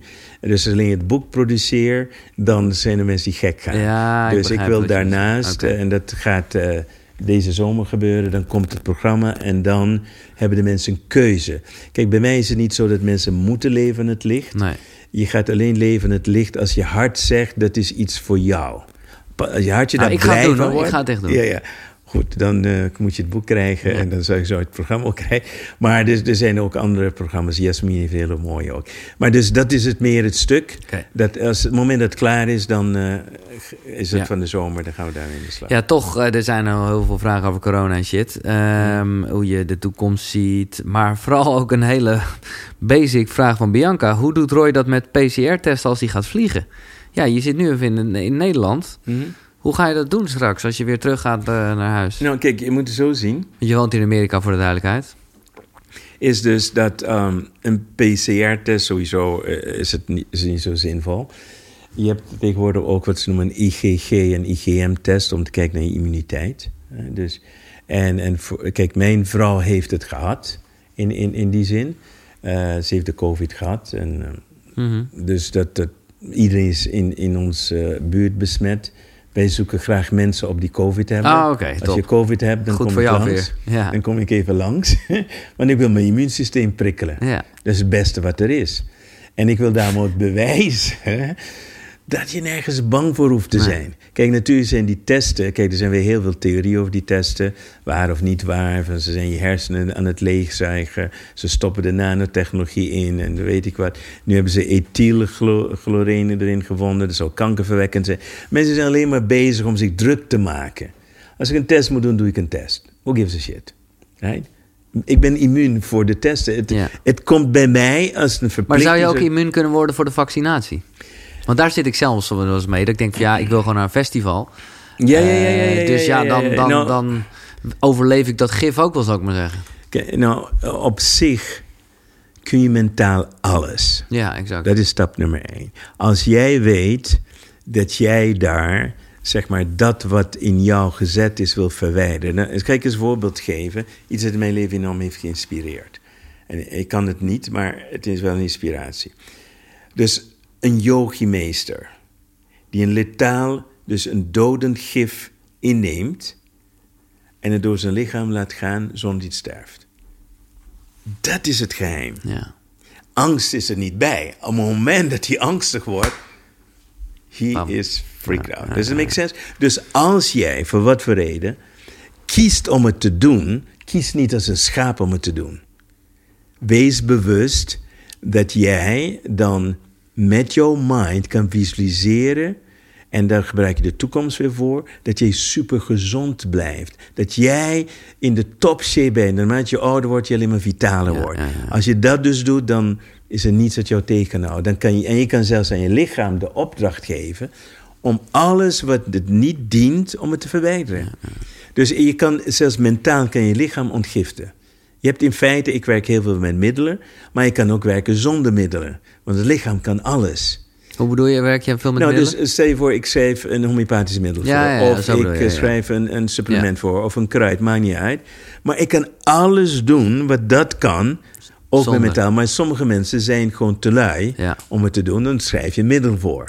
Die doen het werk niet. Maar als jij zegt, van, jij wil het werk doen... en ik zou tegen je zeggen, als je laat vaccineren... dan elke dag voor 10 minuten... doe maar twee keer per dag, 's morgens en 's avonds... en ga alleen maar... Dus visualiseer dat alles wat niet hoort in je lichaam... uit je lichaam treedt... dan kan ik je met een zekerheid, grens en waarschijnlijkheid zeggen... dat je minimale side effects zult hebben van de vaccinatie. Toch nog even een eh, coronaatje van Harry. Hoe geef je een steeds depressiever wordende jeugd door deze coronatijd weer voldoende perspectief? Ik weet helemaal niet of je dat kan, maar ik vind het een mooi, eh, het is wel een probleem. Ja, nou, we zijn een app aan het ontwikkelen en dat heet Hunt Your Dream. En dat is een, een app waarbij we op een hele simpele wijze mensen, vooral jongeren, het is vooral gericht op Met hoeveel jongeren. dingen ben je bezig, Roy? Ik bedoel, ik... Eh, hoe, hoeveel wil je weten? Nee, oké. Nee, kijk, de, kijk, er is namelijk één voordeel van het hebben van een hyperactieve beschadigde hersenen. dat is namelijk dat je met heel veel ballen in de lucht bezig kan zijn. Dus eh, als je kijkt alleen naar het plan, er zitten minstens 50 bedrijven daarin. Ja. Dat soort dingen. Maar dus als, als je. eh, we zijn dus nu, we zijn verschillende apps aan maar één app is speciaal voor jongeren in deze tijd. En dat heet Hunt Your Dream. En dat is om bij de, de jongeren weer hen een stukje motivatie te geven. Je moet het zo zien dat eh, de, wij worden geconditioneerd om te geloven dat we pas iemand zijn als we een bepaald stukje educatie hebben gehad. Ja. De werkelijkheid is, hoe langer jij wordt geëduceerd, zeg maar hoe langer je wordt opgevoed, hoe specialistischer je wordt, waar je meer in je beperking toe gaat. Dus als ik praat tegen een professor, dan praat ik met een hele beperkte visie op het totaalbeeld. Ik ben meer een generalist. Ik wil het grote weten en dan ga ik naar, naar detailniveau. Nou, wat hebben jongeren dus nu nodig? Die hebben inspiratie Ja. nodig. En ze hebben rolmodellen nodig in deze tijd. Dus daar hebben we een, zijn we een app voor aan het creëren, waar we stap voor stap weer geleerd worden te dromen, maar zonder dus de noodzaak van je moet er iets voor Nee, leren. Ja, ja, ja, ja. En, en, daar komt het kwantumstuk erin terug. En, en, en er zijn er voorbeelden van de mensen die geen educatie hebben. Die zijn mega groot geworden. Dus de, de jongeren moeten geïnspireerd worden dat er, dat er meer mogelijk is dan de opvoeding. En want de, de, zeg maar, de mantra, de, de, de doos, de, de box waarin ze zitten, zonder opleiding word ik niks. Dus ik kan alleen straks bij Albert Heijn in de winkel iets doen en dat soort dingen. En dat is helemaal Nee, niet waar. Nee, nee, precies. En dat- dat stuk wil brengen Dat bij, is wel bij echt perspectief weer, ja. Eh, Mirella, wat is jouw laatste grootste persoonlijke transformatie? Van vandaag of gisteren? nou, eh, mijn laatste was, eh, laat, ik, laat ik het zo zeggen, was dus bij Joe Dispenza. Om daar, en dat is net drie, drie, vier weken terug. Waarbij je dus gewoon 36 uur Ja. in het niets hebt gezeten. Ja. En ik terugkom met een 40 pagina's plan. Waarbij ik roep, ja, wie ben ik, waarom ik, weet je wel. Maar dus het was... De, de proces daarna, zeg maar tot nu toe, Ja. was ownership. Ik kan het. En, Ja. en, en dus eh, we hebben natuurlijk een leuk spel gespeeld. Uiteindelijk gaat het niet om mij, maar Nee. ik moet een deur openen voor anderen. En voor mij was dat hoe te weten wat mijn taak is, want daar komen heel veel dingen uit voort. Want we zoeken ook naar mensen toe die technologie kunnen brengen. Dus we hebben niet alleen mensen nodig die spiritueel bezig zijn, maar we hebben ook de technologie nodig dat in deze tijd het probleem is. En een van de grootste problemen die we hebben is gewoon elektrische auto's met batterijen. Ja, Die moeten weg. oké. Dat is, dat is nummer één. Dus een van mijn eh, verwachtingen is dat we dat probleem gaan oplossen. Nou, als we dat kunnen oplossen, dan dienen we de wereld op een heel andere manier dan eh, de illusie van elektrische auto's. Dat, dat is gewoon een illusie. Dat, dat gaat hem niet worden. Want met name is het dus zo dat de arme landen. Die zullen nooit volledig elektrisch kunnen worden, omdat je daarmee de onderlaag niet, niet Maar hebt. ik dacht dat Elon Musk is toch een held van je? Die help, eh, maar heeft mij nodig. Ja, oké. Dus, eh, heeft gewoon een gids nodig. Ja, oké. Dat is niet het probleem. Nee, het punt is dus dat dat, dat te lang gaat duren. Oké. Dus er moet een andere oplossing. En dat kan alleen komen wanneer we de juiste personen vinden die dat weer kunnen gaan doorgeven. Dus voor mij was het oké. nu nou Dat is wel even een ding, next ja. step. Eh, gewoon wil weten jouw grootst, meest uitdagende levensles. Ik zou zeggen dat het was toen de eerste keer geen leven in het licht. En het is op een gegeven moment eh, de strijd tussen mijn ego... Die zei je moet eten of drinken. Ja. En, Ja, en, en mijn medische kennis daarbij, Ja, ja, ja. die dan zegt van na vier dagen eh, zijn je nieren dus nu aan het eh, afbreken. Om dan je over te geven aan iets dat je niet weet wat het gaat worden. Dus dat je dood kan gaan. Dat voor mij is, was life-changing moment. Ilko, van welke mentor heb jij het meest geleerd? En wat zei diegene tegen jou wat je het meest raakte... waardoor jij wist wat je boodschap was die je wil uitdragen? Nou, mijn belangrijkste mentor zal altijd mijn judo-leraar blijven, in die zin. Leeft hij nog? Eh, nee. Nee. En, eh, maar, dus hij zei in principe: Jij bent een kampioen. Alles wat jij wilt bereiken, kun je bereiken. Ja, en dat is de en dat, is nog leven. steeds Ja, ja, ja. de one thing. Dat, en wat hij me ook heeft geleerd, dat er geen concurrentie is. Dus, eh, want hij zegt: Wanneer je vecht met iemand die beter is dan jij. en je verliest, leer je meer dan wanneer jij wint. En, je, en nog ergens je makkelijk wint. Hoe moeilijker het is, hoe meer jij je moet inspannen om er te komen, hoe groter jij gaat worden. Dus wat het voor mij betekent is de uitdaging in feite de weg is Ja. en niet om de uitdaging heen. Dus dat was het punt. Ja, En, en dat, dat is gewoon de basis van mijn leven geweest in alles wat ik doe. mooi. Annette, als hij terugkijkt op eh, zijn leven... wat heeft het meeste indruk op hem gemaakt? Het ontmoeten van mijn zielenmaatje. Ja, Ik, ik zou Joy, zeggen, het moment dat de tijd stilstond, dat ik iemand hoor spreken en haar niet kan zien. Dus er is geen, er is geen fysiek contact, een visueel contact. nee, precies. Maar gewoon een En- echte en gewoon connectie. weten van- dat ja. het is. Kijk, het is net, net een beetje zoals ik me voorstel als in, bij de islam mensen die zo'n denken. Je gaat met iemand trouwen die je nooit hebt gezien. Oké, dat is ja. spannend, weet je. Dat is het gevoel. Dat voor mij was het puur het vertrouwen dat dit het is. Ja. Dus dat was de next level. Het was gewoon vertrouwen dat het zo bestemd is. En Angelique, tenslotte bijna... Nee, ik heb zelf nog één vraag. Maar hoe ziet Roy de wereld over 10, 20 jaar? Oké. In eerste plaats zijn we door de grootste crisis gegaan van, van de wereld zelf. We, Ja. we hebben nog niet de bodem bereikt. We moeten eerst de bodem bereiken.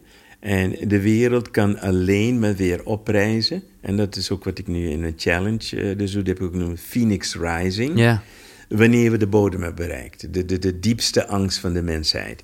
Dus die heuvel moet er nog heen. En ik zie de COVID-crisis een soort test daarvoor. Dus hierna komt de echte test. Oh. En de echte test is een, een, een, ik wil zeggen, een vernietiging van het leven zoals we het nu kennen. We moeten terug naar de basis. We moeten weer mens worden met elkaar. Met elkaar weer kunnen delen en dat soort. Daar moeten we eerst naartoe gebracht worden. Tenminste, dat is de, hoe ik het zie. En dat is een proces voor de volgende 10 tot 20 jaar. De- en in die, die periode van de crisis, dan, dan vinden we onszelf dus terug. Dan vinden we wie we werkelijk zijn als mens. En worden niet afgeleid door elektronica en dat soort dingen. We zijn gewoon echt weer met elkaar bezig.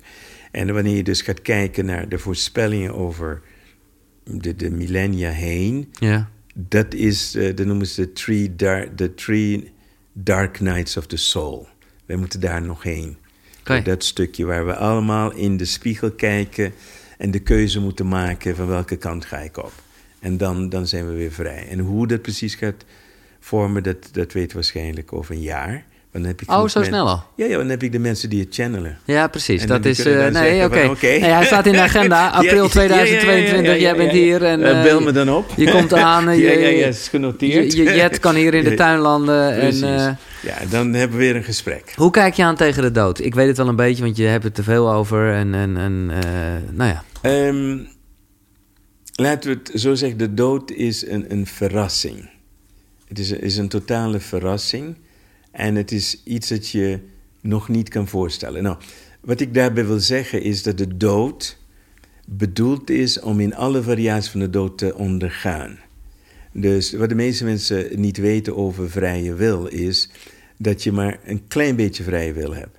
Want je hebt al een keuze gemaakt. Dus die keuze heb jij in vrije wil gemaakt toen je echt vrij was om de keuze te maken.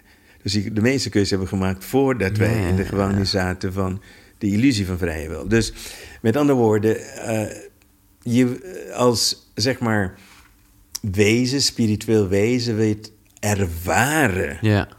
Dus de dood is een ervaring met heel veel variaties. Wat heel veel mensen dus niet weten, dat je een keuze hebt om te kiezen hoe je het wil ervaren. Dat is dus een groot verschil. En wanneer je begint met de dood, om eerst te bepalen welke keuze je wil hebben, dan ben je pas vrij om te leven.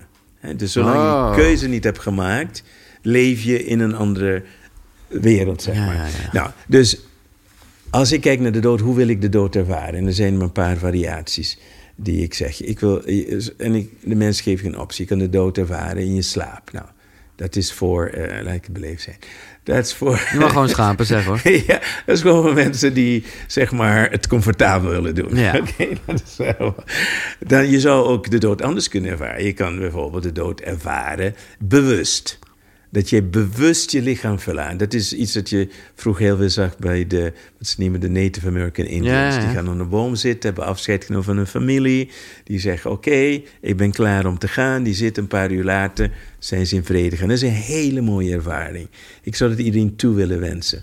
Om dat een keer Ja. te, te ervaren. Nou, dat heb ik al ervaren. Dat is voor mij niet zo interessant, dus ik wil iets nieuws.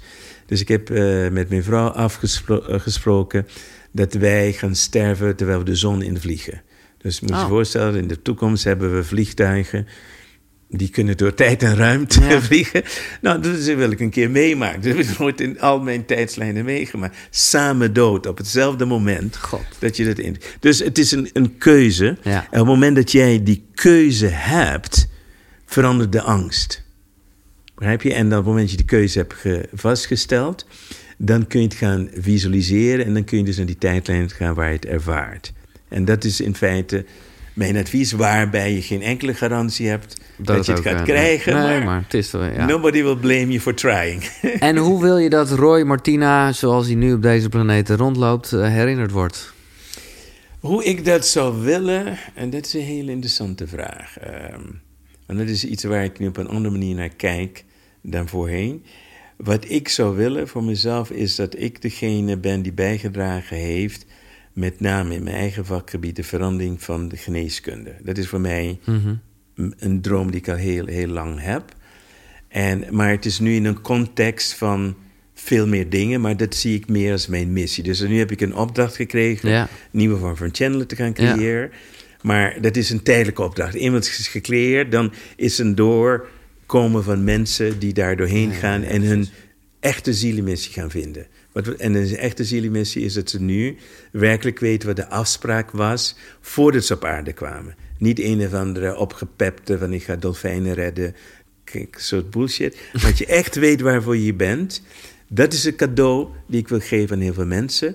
Maar ik zie mijn taak meer in de geneeskunde. Ik heb niet voor Ja. niets al die jaren. Dus, dus eh, even wat korte antwoord. Hoe wil je herinnerd worden? Gewoon als een pionier in de gezondheidszorg. Ik wil eh, in ieder geval een deel zijn van de experts die de nieuwe vorm van geneeskunde hier op aarde hebben gebracht. Ik hoef niet in mijn eentje te doen, maar er zijn heel veel collega's die graag mee willen hebben. Ik heb een hele lijstje van. Op het moment dat we dan het geld hebben, dan maken we een soort. Ja. mind, mastermind groep van hoe gaan we het in elkaar zetten. En ik heb ook al een plan van hoe we het in de, de wereld gaan afdwingen om dat te doen. Zodat het, het wordt erin geslopen op een manier dat ze moeten wel accepteren. Want als je het zeg maar frontaal doet, dan is het eh, David tegen Goliath Ja, ja. en dat Ja, gaat hem nee, niet worden. Nee, dus het moet op een andere manier ingebracht worden. En eh, dat wil ik dus in ieder geval dat voor volgend jaar het begin ervoor staat. Dat is het, het verhaal. Fantastisch, Roy. Onwijs bedankt voor je tijd. Ik heb nog nooit met iemand zo lang gesproken. Oké. En ik weet nu al, eh, maar daar heb je me echt in geleerd dat er heel veel kritiek op gaat komen. Maar ik weet nu al eh, dat ik weet, hé, hey, dat is onwetendheid. Precies, dat is helemaal oké. Ja. In feite heb je het nodig. Je moet, het- maar je moet zo kijken. Je weet wat een Belse curve is? Nee. Oké, dus eh, een streep en dan zie je net als een bel. Ja, ja, ja. Ja, dat is een statistische curve. Ja. right?